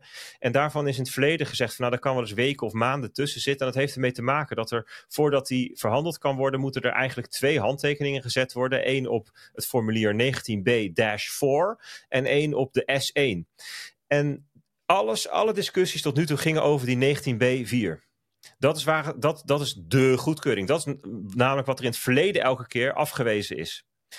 En toen zeiden mensen van ja, weet je, als die 19B4 goedgekeurd wordt, dan moet daarna die S1 nog. En dat kan best eens weken of maanden duren. Maar wij zien, wij weten inmiddels dat er ook gesprekken zijn geweest al tussen de SEC en de uh, partijen over de S1's. Dat zijn andere afdelingen. Dus je hebt twee verschillende afdelingen bij de SEC die uh, die twee formulieren doen. Dus ze hebben met verschillende afdelingen gesprekken. Dus ik denk eigenlijk, ik verwacht, uh, ook omdat je nu al ziet dat iedereen zit te popelen om reclame te gaan maken, dat er um, uh, toch veel korter tussen zit. Dat ze echt hun best gaan doen om beide handtekeningen in, in termijn van één of twee dagen te hebben. En dat het echt kwestie is van goedkeuring, een paar dagen later handelen. Bijvoorbeeld, stel dat het woensdag de, de tiende wordt, misschien vrijdag al handel of maandag erop of zo. Ja. Dus ik zou er rekening mee houden um, dat in het, uh, in het, zeg maar het hoofdscenario dat allemaal snel gaat. Ja.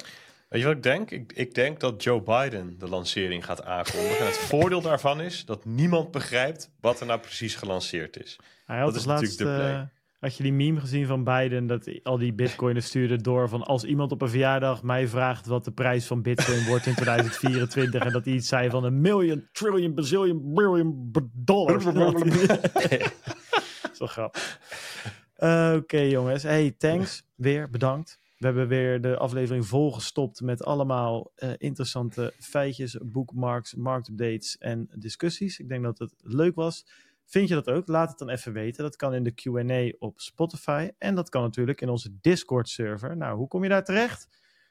bitcoinalpha.nl slash discord. Moet je even een accountje aanmaken. is helemaal gratis. En dan kom je in onze Discord terecht. En dan kan je bijvoorbeeld deelnemen aan Q&A's. Om maar zo te zeggen, je kan vragen stellen. Je kan deelnemen aan de chat. Je kan in spraakkanalen gaan zitten. Je kan reageren op de podcast. Je kan reageren op de Bitcoin alfa's. En uh, wij reageren daar weer op. En ook steeds meer andere alfa's die met heel veel interessante uh, en goede antwoorden komen. Dus ja, kom daar eens bij. We zeggen het niet voor niks, hè, dames en heren. Ik bedoel, we menen wat we zeggen natuurlijk. Um, Peet, Bertus, dank weer. Ik zie jullie volgende week weer voor aflevering 291 alweer. Alle luisteraars aan de andere kant uh, van de lijn. Jullie ook weer bedankt voor weer uh, uh, het investeren van jullie tijd in onze podcast. Vinden we fantastisch. We hopen dat jullie wat waarde voor terugkrijgen. En we zien jullie graag volgende week weer terug voor aflevering nummertje 291. Laters. Ciao, ciao, ciao, ciao.